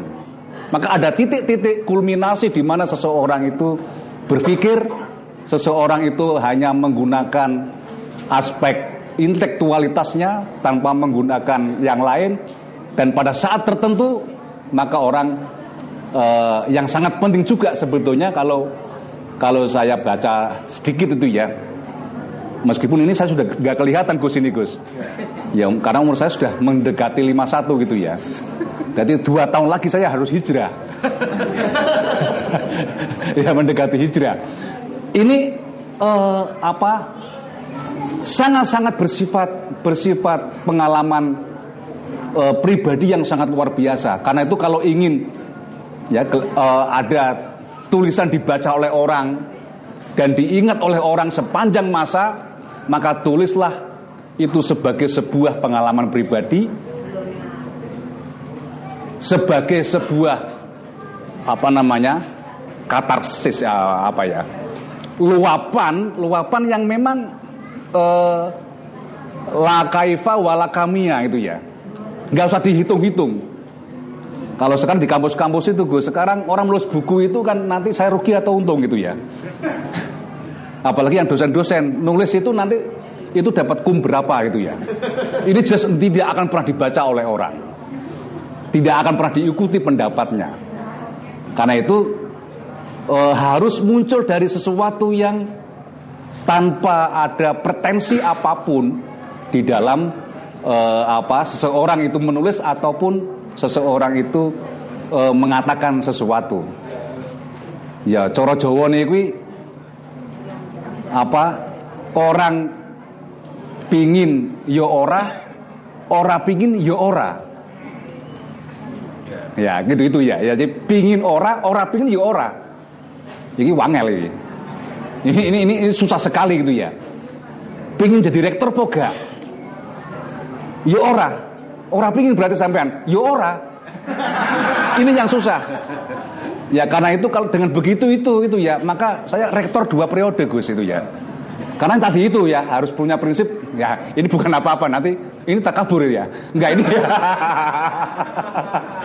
Eh, ini, ini apa artinya apa? Orang bisa lama itu karena begitu itu. Nah, so sekalian karena itu menurut saya ini eh, catatan-catatan uh, Imam Ghazali seperti inilah yang kemudian menjadikan Imam Ghazali pernah jadi orang jelek tapi pernah jadi orang baik. Karena itu ketika Imam Ghazali mengintegrasikan antara yang jelek dengan yang baik, ini jadi sesuatu yang luar biasa. Jadi mengintegrasikan itulah yang yang menselaraskan itu ya. Menselaraskan dalam semua hal dalam pikiran-pikiran Imam Ghazali sangat luar biasa. Imam Ghazali secara fikih tapi di fikih Imam Ghazali muncul di situ di dalamnya adalah ada sofistiknya. Sofistik itu ada fikihnya ada ada tauhidnya. Ini yang yang yang saya kira di beberapa pemikiran eh, tokoh-tokoh tokoh-tokoh tidak banyak orang yang berpikir seperti ini. Dan ini jarang memang terjadi gitu ya. Karena itu Imam Ghazali itu sebagai apa? Sufi, sufi. Dia seorang mutakalim, mutakalim. Dia seorang fukoha, fukoha. Ahli pikir itu ya. Nah, karena itulah uh, saya kira ini jadi pelajar yang sangat berharga, para pelajar, sahabat-sahabat Ansor yang masih muda seperti ini, saya kira jangan pernah berhenti untuk belajar dan jangan jangan dan jangan takut untuk salah. Karena kalau orang takut salah, maka tidak akan bisa mengintegrasikan mana yang salah dan mana yang benar. Saya kira sekilas itu aja Gus, ini hanya sekedar catatan kecil aja. Ya, semoga ini kehadiran uh, Gus Ulil di di Tulungagung ini ini menjadi inspirasi bagi kita semuanya. Dan nanti semoga aja nantilah itu ada ulil-ulil baru itu ya di kalangan ala para ansor. Ya kalau tapi kalau biasanya yang yang eh, orang-orang uh, yang tidak pernah menjabat itu yang jadi yang yang sudah menjabat itu sudah susah untuk menjadi pemikir itu ya. Terima kasih. Assalamualaikum warahmatullahi wabarakatuh.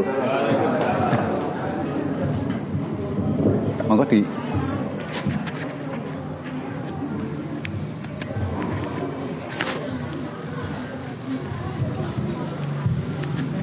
Untuk selanjutnya kita lakukan terkait pertanyaan. Ya kepada sahabat. Silakan. Sukses enggak yang mau nambah itu. Ayo asik.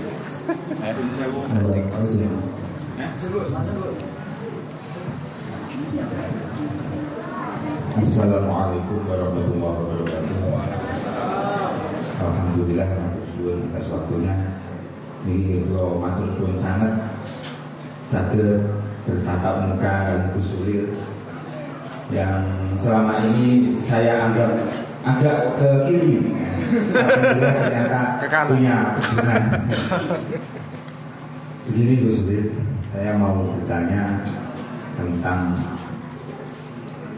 tadi yang membahas tentang tasawuf. Kalau tasawuf di desa-desa itu ya masuk toreko tidak toreko ini menurut pandangan pandangan bagaimana tasawuf itu dengan toreko hubungannya gimana? Tolong pencerahannya itu satu. Yang kedua masalah saya pernah dengar itu apa itu atas bila syariatin dolalah. Syariat bila tasawuf ah kum kumpul apa kumpul kumpul Kemprung, kemprung, kumpul kumpul bagaikan tong kosong bunyi nyari ya wong syariat tok wong apa tasawuf kalau sudah tahu tapi tidak menjalankan tarif syariat niki dolalah niki mohon penjelasannya namun itu mawon atau suwun Assalamualaikum warahmatullahi wabarakatuh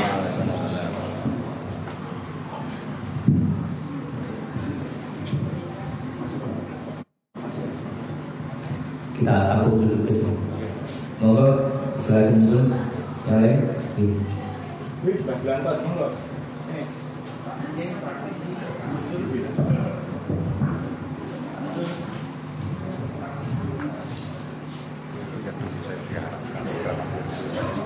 Bismillahirrahmanirrahim. Assalamualaikum warahmatullahi wabarakatuh. Yang saya hormati dan saya kagumi Bismil Aksar Abdullah Yang saya hormati Bapak Dr. Mabduhin eh, Saya ucapkan terima kasih banyak Malam hari ini bersoralu di kampung kami jadi malam ini kita berkahan orang-orang yang dititipi ilmu sama Allah Subhanahu wa taala. Itu semoga kita mendapat berkah. Dari beliau. Ada yang eh, ingin saya tanyakan mengenai torekoh yang berkembang di Indonesia ini ada torekoh yang mu'tabaroh yang berkembang ada juga torekoh yang non, non yang juga berkembang ada juga orang-orang yang digurukan mengajarkan ilmu tauhid kepada jemaahnya yang sebagian dari mereka tidak mau menyebut jamaahnya sebagai jamaah tarekat. Nah, dari yang saya tangkap ada perbedaan eh, ajaran torekoh mu'tabaroh dengan non mu'tabaroh yaitu di pengertian sifat sama afal. Sebagian itu eh, mereka meyakini di sifat afal dan itu jadi satu. Lalu sebagian mereka meyakini bahwa sifat dan afal itu tidak jadi satu. Atau maksud saya sifat sama afal itu tidak satu dengan zat yang binafsi tersendiri. Atau mereka masa bodoh. Itu di mana? Dia eh, lah tetap baru andafilah gitu ya mungkin ya. Itu efeknya sangat besar. Mungkin eh, apa ada hubungan eh, hubungannya pertanyaan dengan eh, yang pertama tadi. Eh, itu kalau mereka menganggap afal dan sifat itu bersatu dengan zat ketika semakin dia belajar dia semakin kapalnya meningkat juga. Karena dia merasa mengenal Tuhannya dan Tuhannya itu tidak agung lagi di uh, keyakinan dia itu berbeda dengan para salib atau tarekoh yang mungkin yang mutabarat itu uh, dia tidak berpikir tentang dan itu di mana dan bagaimana. Dia hanya mengabdi. Uh, ya. ya. Dia mengabdi dengan sifat dan uh, yang ada tanpa memperdulikan dan atau meyakini dan itu terpisah dengan sifat dan afal.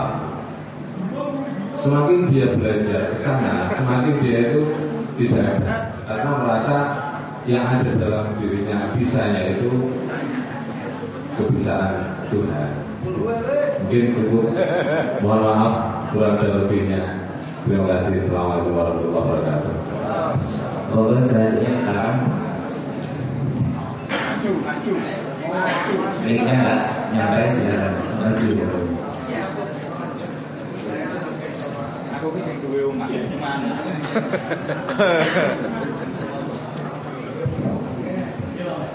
Assalamualaikum warahmatullahi wabarakatuh. Terima kasih. Sebelumnya kami berwaktu tadi dua pertanyaan pertanyaan nama kita Ah, nama saya Rian dari Kalambet. Ah, saya ingin tanya langsung ke prakteknya saja dulu. Kami mengenal Kusumi itu sebagai ketua biji. Nah,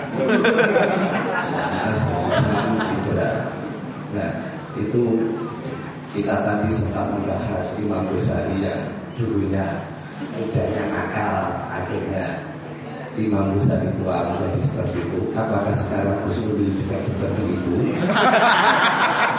Ataukah sekarang ini ngaji ya ngaji tasawuf dan lain sebagainya itu masih satu jalur meneruskan Yang kemarin yang kemarin masih ada masuk Nah, terus kalaupun memang sudah berubah seperti halnya Imam Ghazali muda dan tua itu dinami dinamisasinya dulu bagaimana? Assalamualaikum warahmatullahi wabarakatuh. dan nanti kita cukup kita bahas dulu membahas yang pertama tentang tasawuf dan torikoh ini hubungannya apa? Apa baik-baik saja atau bagaimana? Kemudian hubungan tasawuf dan syariat kemudian ada juga pertanyaan tentang torikoh antara sifat akal dan zat Allah ini bagaimana? Kemudian yang ketiga perjalanan usul itu dari apa? Dari Pol Kodim menuju Pol Jadi dari Uzeli lama kemudian Uzeli baru kami persilakan untuk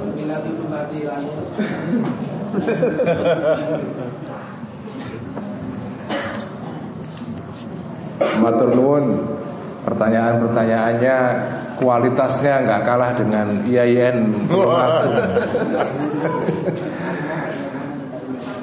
Eh, yang pertama tarekat dan tasawuf ya.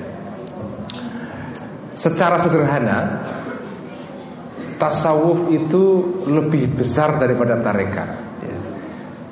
Jadi tarekat itu adalah salah satu bentuk bertasawuf. Tetapi tasawuf itu bukan sekedar tarekat, dia lebih besar daripada itu. Ada tasawuf yang jalurnya tarekat, tapi juga ada tasawuf yang jalurnya di luar jalur tarekat. Dan tasawuf itu juga bentuknya secara garis besar ya, itu juga dibagi dua. Ada tasawuf niku yang wataknya niku tasawuf yang amali. ya. Tasawuf engkang bongso ngamal, praktek. ya.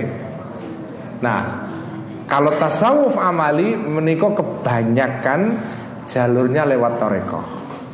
Terus orientasi tasawuf tujuan tasawuf amali atau dalam istilah lain disebut dengan tasawuf suluki. Niku memang tujuannya adalah melatih diri supaya punya akhlak yang seperti digambarkan oleh Al Ghazali di dalam kitab Ihya.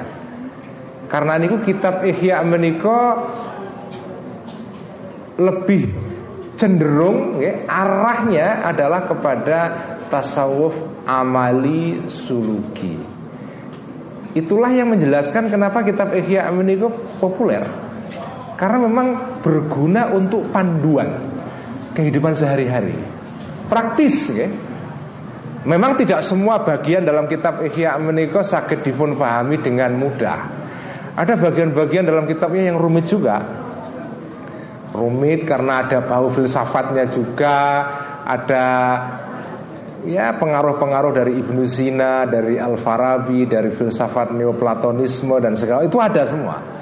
Meskipun buatan disebut filsafat ya, karena Al Ghazali dalam kitab Ihya tidak menggunakan kata filsafat sama sekali, karena beliau sudah melampaui filsafat. Ya. Terus pada era Ihya, pada periode Ihya Al Ghazali kasepuan menikah, Al Ghazali menikah kados guru kungfu ya. Nah pernah nonton film-filmnya Bruce Lee ya. Ada salah satu ajaran kungfu mereka Orang yang sudah menjadi master atau menjadi suhu dalam kungfu Itu orang yang sudah belajar teknik kungfu dan melupakan teknik kungfu Nah, wong isih eling, isih ingat kumantil pikirane karo teknik kungfu itu tidak bisa main kungfu dengan lepas. Tapi kalau dia sudah belajar teknik kungfu tapi melupakan teknik kungfu, artinya sudah bergerak melampaui teknik karena teknik sudah menjadi bagian Ronaldo. Itu kan Neymar sama Ronaldo dan segala itu kan kalau dapat bola kan nggak mikir sih kita tembak ngarep apa menyamping kiri kanan digiring dewi apa dioper ke karo kancane? Kan nggak dipikir dulu. Nggak ada sudah pikiran itu. Begitu dapat bola langsung otomatis dioper ke atau digawa sendiri itu tanpa mikir. Karena apa? Karena teknik sudah menjadi bagian dari dirinya nah Al Ghazali menikah periode ihya menikah adalah orang yang sudah melampaui semua itu. Ilmu tadi benar ya kita kata Pak Rektor tadi. Al Ghazali itu sudah melampaui itu semua. Filsafat fikih usul fikih teologi itu semua sudah lewat semua karena ilmu-ilmu itu kata kalau kata Al Ghazali dalam kitab Al Mungkith Minad Dolal yang merupakan autobiografinya Al Ghazali ya, ini Al Ghazali ini menarik loh Kiai zaman tahun abad 5 Hijriah sudah menulis autobiografi. Iya. Loh, ini cah-cah saya ini jarang nulis autobiografi itu. Nek nulis di sopo sing mojo kan. Jadi Imam Ghazali menikah ulama yang agak aneh karena mungkin beliaulah sedikit sedikit sekali sedikit di antara para ulama di era klasik yang menuliskan sejarah hidupnya. Ada ulama lain yang menulis juga semacam autobiografi pemikiran namanya Imam Fakhruddin Ar-Razi yang menulis uh, kit, apa tafsir uh, Al-Kabir tafsir Ar-Razi Mafatihul Ghaib. Beliau juga nulis ini menarik Imam Fakhrul Razi mereka hidupnya setelah Al-Ghazali kira-kira satu abad okay Imam Fakhruddin Ar-Razi itu menulis semacam buku harian, diari. Okay. Buku harian tentang perjalanan beliau berdebat dari satu kota ke kota yang lain. Itu dituliskan beliau dalam bukunya namanya Al-Munadharat. Karena Imam Ar-Razi menikah sama dengan Al-Ghazali ahli debat. Konon katanya kemampuan debatnya itu mengalahkan beberapa pendeta Kristen sehingga banyak ribuan orang yang masuk Islam gara-gara kalah debat dengan Imam Fakhruddin Razi mereka. Nah dia itu dulu debat itu dari satu kota ke kota sampai ke Afghanistan sampai ke daerah India sana mendekati India dan itu dituliskan dalam bukunya namanya Al Munazar. Saya menyebutkan ini semua untuk menunjukkan betapa ulama kita dulu niku tradisi menulisnya ini ku top tenan. Ngantek autobiografi aja ditulis. Nah kiai saat ini kan jarang sing nulis. Rano kiai nulis autobiografi ini Jarang. Atau makan nggak ada. Setahu saya eh? Takut takabur. Takut takabur Ya. Takabur atau tahadud binimah Itu kan tergantung niatnya saja itu. Kan Itu kan tergantung niatnya saja. Terus Al-Ghazali menikah sudah melampaui itu semua. Ketika beliau sudah pada periode ihya ini Dia sudah berada pada periode tasawuf. Nah apa ini tasawuf intinya? Adalah Tasawuf niku memang sudah melampaui itu semua. Melampaui tapi tidak berarti meninggalkan ya. Orang Ronaldo ketika lupa teknik bola itu bukan lupa beneran. Teknik sudah masuk ke dalam dirinya. Itu namanya melampaui. Jadi orang yang belajar teknik melupakan teknik dan menjadikan teknik itu sudah menjadi bagian dari dirinya itu namanya orang yang sudah suhu, okay? master atau namanya mursyid. Itu itu orang seperti itu. Terus torekat eh tasawuf menika jalure kata. Terus torekat menika hanya satu bagian dari tasawuf. Tasawuf namanya tasawuf amali suluki, tapi juga ada tasawuf namanya tasawuf falsafi. Tasawuf engkang intinya ini bu napa refleksi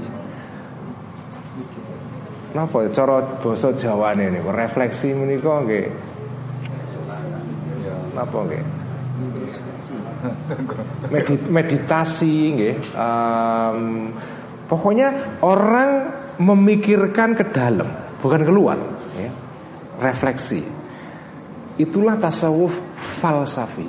Nah Imam Ghazali menikah nulis kitab karo-karone. Kitab Tasawuf Suluki Amali juga ditulis Yaitu kitab Ihya ini Ini Tasawuf Suluki Amali Tetapi beliau juga menulis Tasawuf engkang boten suluki Namanya Tasawuf Falsafi Yang biasanya itu adalah dipelajari orang-orang yang sudah selesai dengan Tasawuf Suluki Amali Terus jenengan masuk ke tasawuf falsafi itu nggak bisa tanpa tasawuf suluki amali juga. Karena ini kan kayak tangga nih. Anda masuk ke sini harus tangganya. Bisa belajar tasawuf falsafi di dalam kuliah perkuliahan tasawuf itu bisa, tapi nggak akan nyampe ke sini. Jadi kan bisa belajar tasawuf falsafi itu baca sejarah pemikiran tasawuf. Nah, banyak sekali ini yang nulis sejarah pemikiran tasawuf. Ya. Dr. Sami Ali An Nashar yang nulis tas An Nashatul Fikril Falsafi was Sufi fil Islam dibaca bisa. Tetapi nak jenengan moco niku podo karo jenengan moco ulasan orang tentang pernah makan di warung enak. Ceritanya ini detail sekali. Neng moco cerita wong mangan. Yura ya rasanya mangan. Oke. Itu namanya orang belajar tasawuf falsafi tapi tidak mengalami tasawuf suluki amali. Nah, apa ciri-ciri tasawuf falsafi ini? Biasanya tasawuf falsafi itu nggak ada torekotnya, nggak ada. Mungkin kecuali ada torekotnya, tapi ini ku katanya ini torekot yang pengikutnya ini ku mungkin segelintir orang. Namanya torekot akbariyah. Tinggi menikot torekot ingkang lahir dari ajaran pun Muhyiddin Ibnu Arabi. Okay. Imam Ibnu Arabi ku gak ada torekot dikenal dengan torekot akbariyah yang konon katanya menjadi murid torekot niki niku bukan orang daftar tapi gurunya yang mencari orang. Nak wong iki memang bakat iso mlebu torekot akbariyah ini gurunya sing moro. Mboten muridnya sing moro gurune dhewe sing milih. Oh kue pantas jadi murid torekot akbariyah. Jadi gurunya moro. Jadi nggak mungkin muridnya banyak karena orang yang dipandang layak ikut tarikot ini ya nggak banyak. Dan tidak ada orang tahu kecuali gurunya sendiri. Gak ada yang tahu. Gak ada yang tahu pengikut tarikot akbarnya kecuali mursidnya sendiri. Karena dia nggak boleh juga bilang-bilang kepada orang lain. Sampai ini ini cerita teman saya yang menulis disertasi tentang Ibnu Arabi di Al Azhar Mesir. Kebetulan orang satu daerah dengan saya dari Padi. Ya namanya Dr. Yunus Masruhin kenal ya dosen UIN Jogja. Jogja baru kawin kemarin masih muda berarti kan. Dia nulis disertasi tentang Ibnu Arabi dan cerita dia dia itu menulis tentang tentang Ibnu Arabi disertasi Ibnu Ibnu Arabi itu nah, dia salah satunya adalah narasumber yang menjadi tempat bertanya dia karena dia menguasai pemikiran dan tasawufnya Ibnu Arabi tapi dia tidak ngerti kalau orang yang dia tanyai ini adalah pengikut Torekat Akbariyah. Baru ketahuan setelah dia meninggal. Karena apa ya? Torekat Akbariyah memang torekat yang bukan daftar, tapi profesor Dewi sing golek murid. Itu itu torekat Akbariyah. Nah, torekat yang tasawuf falsafi itu biasanya torekatnya nggak ada. Karena ini hanya untuk orang-orang khawas atau khawasul khawas ya elitnya para elit, elit dan elit lagi, sedikit sekali. Nah, Al Ghazali nulis buku tentang tasawuf falsafi, judulnya adalah Mishkatul Anwar. Jadi bukunya mereka tipis, ya memang nggak perlu dawa-dawa, tipis tapi mendalam sekali. Kitab Mishkatul Anwar yang merupakan tafsir dari ayat dalam surat An-Nur Allahu nurus samawati wal ard itu ditafsiri sampai menjadi sebuah buku judulnya Mishkatul Anwar. Nah, jenengan nak delok Quran ya. Quran itu. Quran niku unik ya. Diwaca wong sing tingkatane SD paham. Sing tingkatane SP SMP yo ya paham. Sing tingkatane kuliah yo ya paham. Sing tingkatane profesor yo paham. Sing profesor maca Quran orang merasa ketinggalan zaman juga. Kan ada kan buku ini ku nak di ono buku nak diwaca profesor, profesornya mesti malu. Karena buku itu jane orang gue profesor. Iki buku kanggo S1 tingkat awal. Nak profesor kok ketahuan maca buku itu langsung delik. Isin, ya Ada buku yang seperti itu. Ngos tua kok moco kitab ngono ya ora pantes. Nah itu. Ada ada buku yang nek diwaca wong sing tingkatannya wis dhuwur iku merasa malu orang bersangkutan. Nah Quran kan enggak. Mau profesor mau Quran ya enggak malu. SD ya enggak malu. SMP SMA enggak malu. Kenapa demikian? Salah satu alasannya adalah karena Quran itu memang di apa ya diturunkan kepada kanjeng Nabi dalam bentuk uslub atau redaksi ungkapan yang bisa diakses atau difahami semua orang tetapi ada ayat-ayat tertentu yang jumlahnya tidak banyak. Itu ayat-ayat ini tidak bisa diungkap rahasianya kalau bukan oleh orang yang sudah sampai kepada tasawuf falsafi nggak bisa Ayat Allahu nurus samawati wal ard niku nek jenengan maca teng terjemahane Depak misalnya, eh, ya paham Allah adalah cahaya langit dan bumi atau ya, paham kita. Neng janjane opo maknanya itu? Kita nggak akan tahu kalau kalau kita tidak pernah sampai kepada tasawuf falsafi.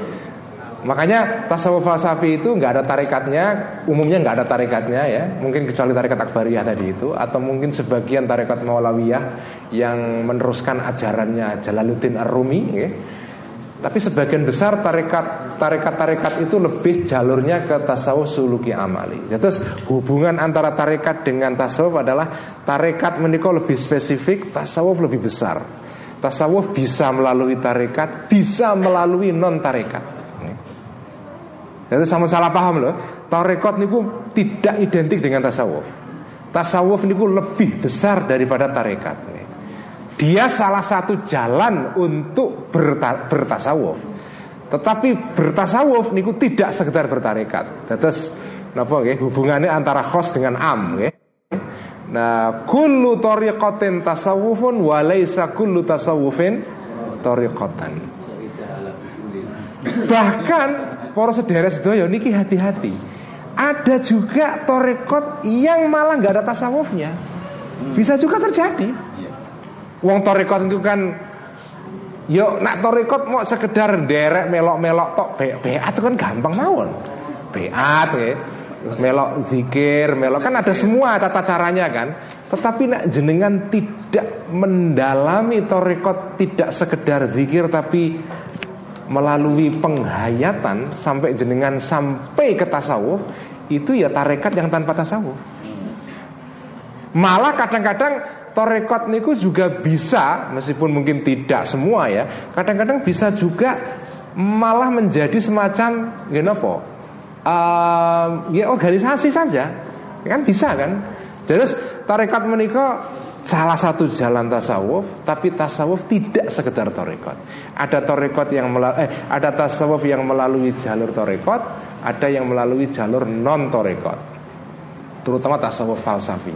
Tapi sekali lagi orang belajar tasawuf falsafi nek ora tasawuf suluki amali sama dengan orang mendapatkan cerita orang makan enak. Atau kalau istilah Al Ghazali sama dengan orang dapat itu diceritakan dalam al mungkin dolal. Seperti orang mendengarkan cerita orang tentang enaknya jima. Jima enak ini ya. Mau tunggu cerita toh ya.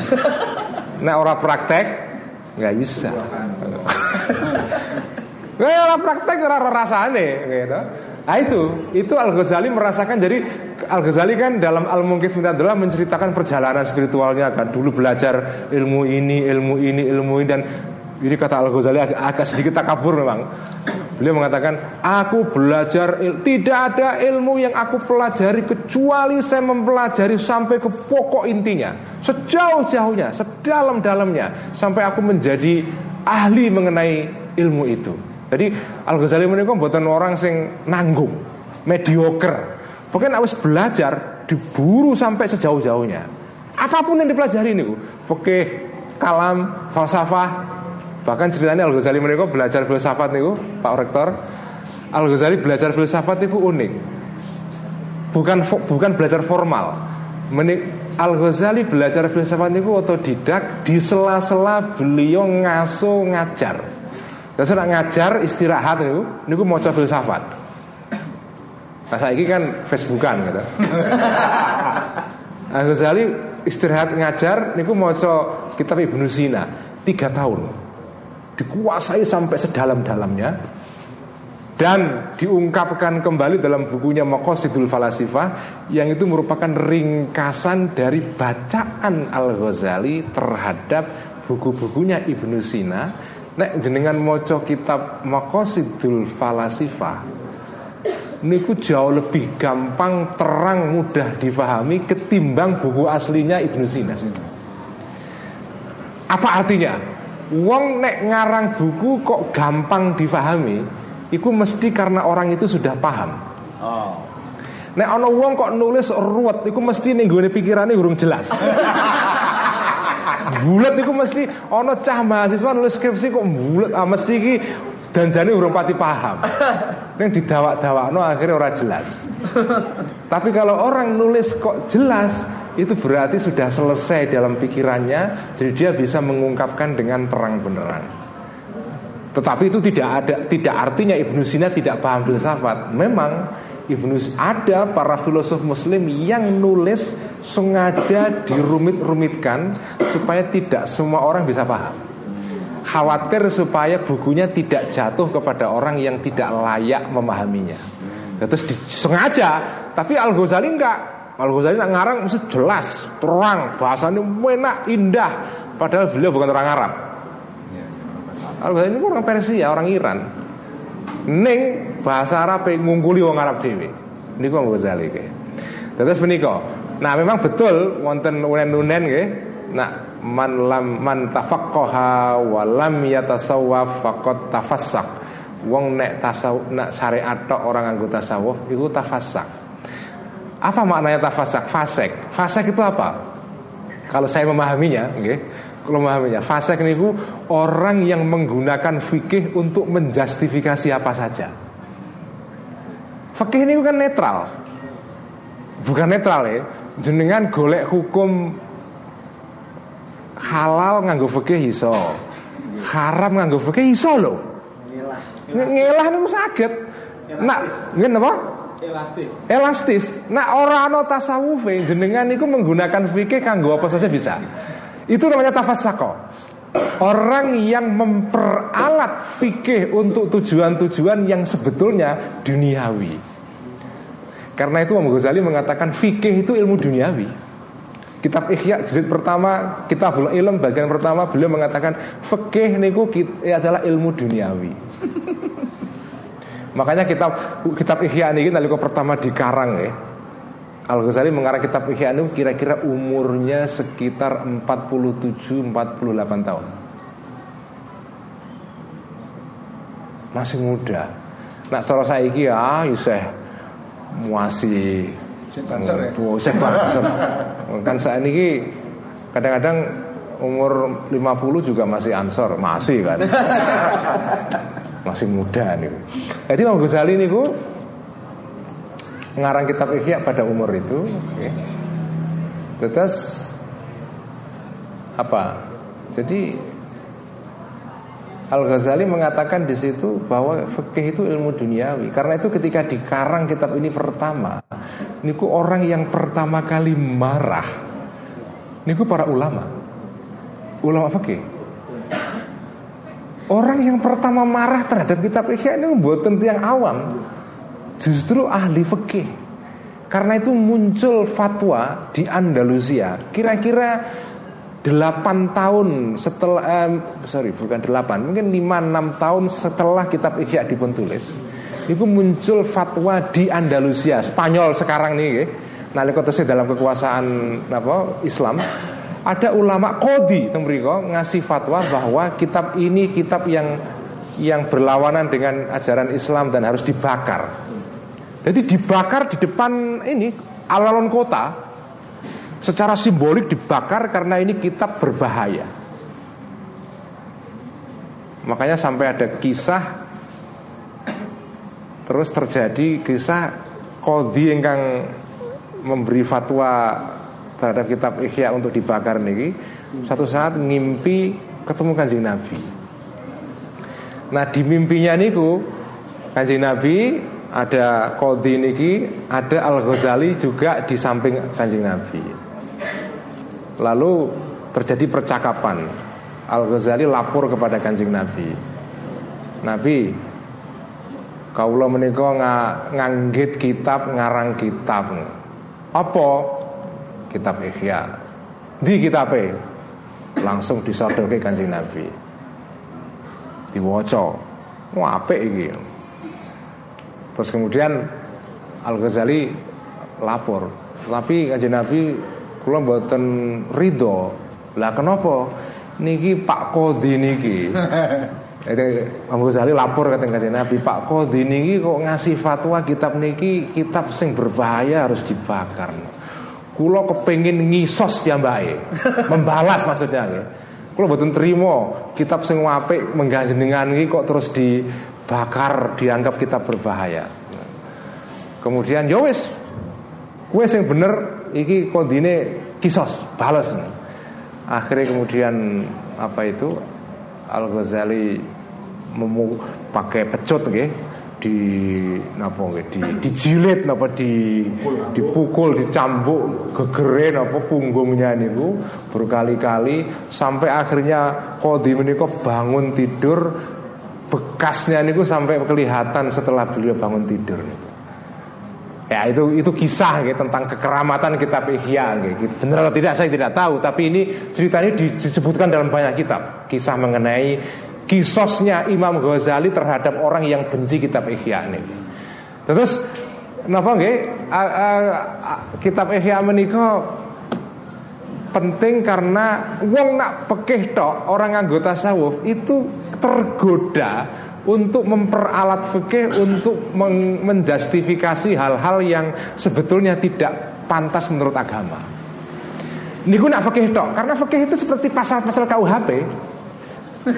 Iya, uh, pengacara niku bisa membenarkan apa saja, orang yang salah juga bisa dibenarkan dengan pasal KUHP juga. Ansor, Iya. ansor.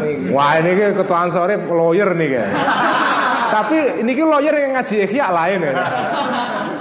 Terus ngoten, tetapi sebaliknya waman tasawwafa walam yata tafaqqah faqad tazandak. Orang yang bertasawuf tidak dipagari dengan ilmu lahiriah ini, ilmu fikih, ilmu syariat, itu bisa tazandak. Tazandak itu artinya orang yang bisa tenggelam di dalam refleksi tasawuf sampai nggak ingat apa-apa. Melupakan kewajiban duniawi, tanggung jawab sosial. Karena orang itu kalau masuk tasawuf terlalu jauh, itu asyik. Seperti anak-anak remaja main game, lupa waktu. Itu orang kalau bertasawuf yang lupa waktu lupa makan, lupa, oh, itu kayak main game nih, addicted, nyandu, sampai orang eling sekolah, orang eling wong tuane, was ngantek orang eling mangan, nah itu. Orang yang delurung, sesat di dalam refleksi-refleksi filosofis mistik yang jauh sekali sampai dia tersesat sendiri. Tazantak itu artinya itu, ya. Sampai dia kehilangan kesadaran tentang tanggung jawab sosialnya. Makanya ini penting dua-duanya. Makanya kitab Ihya ini sebetulnya kalau kita baca ya, salah satu inti ajarannya itu keseimbangan. Tawasud, itidal, tawazun yang merupakan ajaran dalam Khito NU itu itu dari sini. Intinya itu perimbangan antara tasawuf dengan syariat, antara tafrid dengan ifrat. Akhlak itu ya itu perimbangan antara tafrid dengan ifrat dan seterusnya. Jadi ajaran kitab Ihya yang paling utama adalah keseimbangan. Soal afal, sifat dan zat. Wah ini rumit ini. Kalau menurut teorinya Ibnu Arabi Gusti Allah ini punya dua apa dua sifat. Ada sifat yang disebut dengan ahadiyah ahad ya. ada sifat yang namanya wahidiyah. Ah, ini tapi untuk jeru nih kenapa apa ya Rotok bengi atau jeru apa apa ahadiyah niku Gusti Allah yang belum dikenal oleh makhluknya melalui sifat dan afalnya. Karena dalam hadis kutsi dipun sebutkan ya, anak kanzun makhfiyah. Meskipun hadis ini menurut para ahli hadis itu maudhu. Maudhu, tapi ya para sufi-sufi itu punya metode sendiri untuk memverifikasi hadis nih bu. Yang nggak beda dengan ahli hadis yang biasa. Jadi ada caranya sendiri. Bisa dibicarakan nanti ada temanya sendiri nih bu. Tapi intinya ini hadis menurut ahli tasawuf ini hadis beneran. Hadis soheh nah Gusti Allah niku bersabda dalam hadis kudsi yang bunyinya adalah anakan zun mahfiyun. Aku Gusti Allah ini itu seperti gudang khazanah seperti tambang yang mahfi yang tersembunyi. Tapi karena Gusti Allah itu tidak mau tersembunyi terus, bis, kepingin diketahui oleh orang lain, ya. Fa'aradtu an u'raf. Aku kepingin diketahui oleh orang selain aku. Fakhalaqtul khalqa. Maka aku menciptakan makhluk. Terus Gusti Allah itu menciptakan makhluk niki supaya makhluk mengenal Gusti Allah. Itu tujuannya. Supaya khazanah tambang hikmah ilmu yang luar biasa dari dalam diri Allah itu bisa ketahuan keluar. Karena sendirian kan nggak ketahuan, kayak. Nah fase nah, Istilah fase ini juga nggak tepat ini Karena Gusti Allah nggak mengenal fase Tapi taruhlah karena kita bicara sebagai makhluk Menggunakan kata fase Karena Gusti Allah tidak mengenal waktu. Waktu itu hanya untuk manusia. Gusti Allah itu timeless Tanpa waktu, tanpa tempat. Tapi karena kita berbicara dari sudut makhluk Kita membicarakan Tuhan pakai waktu. Nah waktu Tuhan masih kanzun mahfiun Masih tambang yang belum dikenal nih Seperti wong ayu sing dipingit nih omah orang wong sing ngerti eh, Itu itu kanzun mahfiun Itu namanya ahadiyah Gusti Allah yang tidak dikenal oleh orang lain Yang oleh Ada seorang ahli tasawuf Katolik dari Jerman yang gagasannya agak mirip, namanya Meister Eckhart. Dia punya, wah ini agak kuliah tasawuf. Meister Eckhart seorang tasawuf mistik Katolik dari Jerman, dia punya istilah God beyond God. Tuhan yang dibalik Tuhan. Maksudnya Tuhan yang tidak dikenal oleh manusia. Atau kalau dalam istilah Ibnu Arabi adalah Tuhan yang di dalam Tuhan fidatihi itu adalah Tuhan yang belum dikenal oleh makhluk yang masih merupakan kanzun mahfiyun.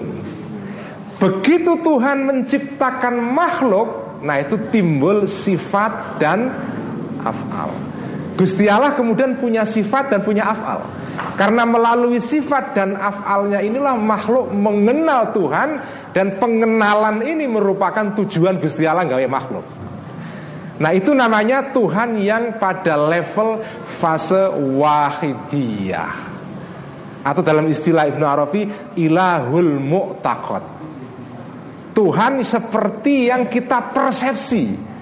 Tuhan mungguh pikirannya wong-wong makhluk ini Yang dalam istilah hadis lain Ana inda dhonni abdi fi. Gusti Allah niku mengikuti persepsi kita. Nah persepsi ini wong tentang Gusti Allah Gusti Allah ini ngamuan. Yuk wongnya ngamuk tenan Tapi nak Gusti Allah ini dipersepsikan maha kasih, maha penyayang. Orang bersangkutan juga akhirnya meniru Gusti Allah seperti itu. Karena itu ana inda zoni abdibi. Masing-masing orang itu punya zon Punya persepsi tentang Gusti Allah yang beda-beda. Karena itu orang kalau mau jadi orang baik husnudzonlah kepada Gusti Allah. Karena nak jenengan suudzon kali Gusti Allah, nanti timbulnya sampean akan punya tindakan yang buruk. Karena orang itu pada dasarnya ditentukan oleh persepsinya tentang Tuhan. Nak jenengan percaya kali Tuhan, jenengan nanti tindakannya juga akan menyesuaikan dengan itu. Tapi nak jenengan kalau Gusti Allah curiga terus, suudzon terus, nanti di dalam kenyataannya ya tindakan sampean juga akan mengikuti persepsi ini. Itulah makna hadis ana inda dzanni abdibi. Aku Gusti Allah itu sesuai dengan persepsinya hambaku mengenai diriku. Dan masing-masing orang itu punya persepsi yang beda-beda tentang Tuhan karena Tuhan itu punya sifat wahidiyah. Punya sifat-sifat yang banyak yang orang-orang itu memahami Tuhan sesuai dengan kemampuannya. Karena itu kajian Nabi ketika didatangi seorang perempuan Badui ya Perempuan Badui tanya ke, datang kepada kajian Nabi Nanyanya agak norak. Gusti kajian Nabi, Gusti Allah itu di mana? Ain Allah itu Ini pertanyaan norak nih kan? Ya norak tapi juga serius Filosofis itu. Nah karena kajian Nabi tahu yang nanya ini orang kampung ya Tambarjo atau apa gitu. Uh, Ya Nabi jawabannya sederhana Allahu fis sama. Allah ada di langit tapi nak sing tanya Pak Maftuhin mesti lain jawabannya kajian Nabi. Dijelaskan teorinya macam-macam Tapi karena yang tanya ini adalah orang sederhana Ya dia udah jawab Gusalan yang dhuwur Di atas gitu. Itulah apa ya uh, tasawuf. Itulah itulah tadi pertanyaan. Saya mau jawab tidak langsung ya tentang asma afal sifat dan segala macam. Nah soal apakah zatnya Gusti Allah itu menyatu dengan afal atau sifat ya. Atau zatnya itu adalah tersendiri afal sifatnya itu seperti atribut yang terpisah yang hanya nempel tok gitu kan. Nah ini tergantung cara kita memandang saja. Kalau Ibnu Arabi sudah nggak terpaku dengan dualisme seperti ini ciri khas Ibnu Arabi sebagai tasawuf falsafinya adalah Ibnu Arabi itu orang yang bisa mengatasi dualisme, kemenduaan. Karena apa? Karena apa kita terwujud? Ibnu Arabi teorinya adalah wahdatul wujud. Wujud semua ini itu satu pada dasarnya. Ketoe memang pirang-pirang ono Ihya, ono iPad, ono telo, ono kacang, ono Pak Rizkon, ono Pak Maftuhin, ono Mejo, ono ini semua kan wujud semua kan? Jenengan kabeh ini kan wujud semua ini. Pirang-pirang sing tokone kene wong pira? Pirang-pirang. Tapi wujud sing pirang-pirang iki janjane ya pirang-pirang apa siji? Nah, Ibnu Arabi mengatakan wujud itu keto embrah ning janjane mau siji tok. Itulah intinya, itu tasawuf falsafi itu. Jadi wujud itu wake, anggota ansor itu ya ribuan. Wujud semua itu. Tetapi itu janjane wujud yang hanya penampakan saja, appearance ya, penampakan ning hakikatnya satu. Itu namanya wahdatul wujud. Nah, orang Islam menurut saya ya, harus belajar sampai ke tahap ini. Tetapi ini nggak untuk semua orang. Nak iso tekan kene latihan ansor ya bagus nih ora ya rapopo. Ini cuma apa ya bonus ya. Yang wajib itu tasawuf suluki amali. Tapi kalau falsafi itu hanya buat orang yang mampu. Apa kegunaannya? Wong nak wis tekan tasawuf falsafi ini, itu sudah sampai pada tahap ini, itu melihat wujud ini itu dengan kelapangan seperti kelapangan Tuhan. Jadi dia bisa Makanya para wali-wali, wali-wali yang besar, wali-wali kutub, abdal segala macam itu, kenapa wali-wali ini dikatakan, nah dunia nggak ada wali-wali kutub, itu hancur. Kan begitu kan? Kepercayaan orang-orang tasawuf, wali kutub niku, wali abdal niku nak mati siji mesti kudu ganti nih. Karena ini seperti gunung yang menjadi penyangga dunia. Tapi ini bukan dunia material, tapi dunia spiritual. Nah ana rawong iki dunia yo horek apa? Kacau, mengalami instabilitas. Itu memang begitu. Orang yang sudah sampai kepada tasawuf falsafi ini itu menjadi gunungnya dunia. Mereka lah yang memayungi umat, memberikan kedamaian. Nek ono goro-goro mereka yang menenteramkan. Ya kira-kira nak contohnya nggak tahu ya kalau saya mencontohkan sih ya kira-kira kayak Gusmus itulah ya bukan karena dia beliau mertua saya tapi tapi kira-kira kayak gitu. Itulah namanya sok patok buminya kehidupan. Paku buwono kalau istilah wong Solo mereka yang menjadi paku buwononya. Kalau ada goro-goro yang menenteramkan. Kalau orang berada di sampingnya merasa tenteram. Kenapa? Tasawuf falsafi. Nah uang wis tekan tasawuf falsafi itu menenteramkan dunia dan juga menenteramkan dirinya. Tapi sing iso tekan kono orang angger wong. Karena kalau semua orang sampai ke tasawuf falsafi ini ya dunia nggak jalan.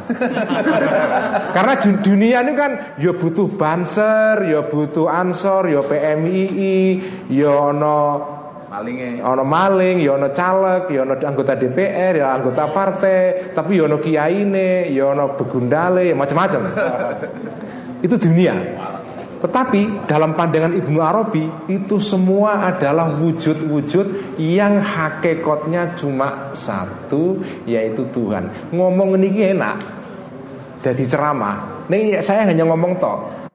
Nah jenengan kepengen sampai kepada makom ini itu harus Ngomong dong nggak cukup. Ini ini pengetahuan seperti ini bisa diperoleh di IAIN bisa, dibaca di buku bisa, tapi dijadikan sebagai ilmu yang meresap ke dalam diri kita menjadi pandangan hidup itu nggak semua orang bisa, karena syaratnya panjang sekali.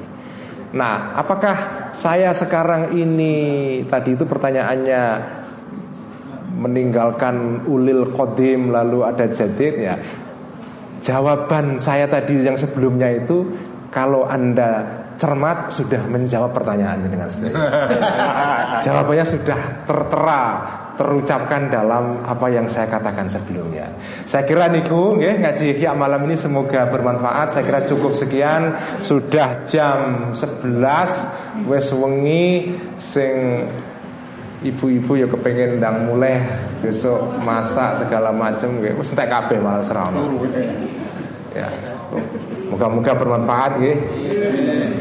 Dan juga sekali lagi mohon doanya supaya saya bisa ngaji ya secara istiqomah sampai hatam dan semoga IPNU, IPPNU, Ansor, Banser, PMI dan juga IAIN Tulungagung semua berkembang ya, menjadi organisasi dan institusi yang membawa pencerahan dan hikmah kepada publik di Tulungagung khususnya tapi juga untuk daerah-daerah sekitarnya. Allahumma amin. Sekian wallahul muwaffiq ila wassalamualaikum warahmatullahi wabarakatuh.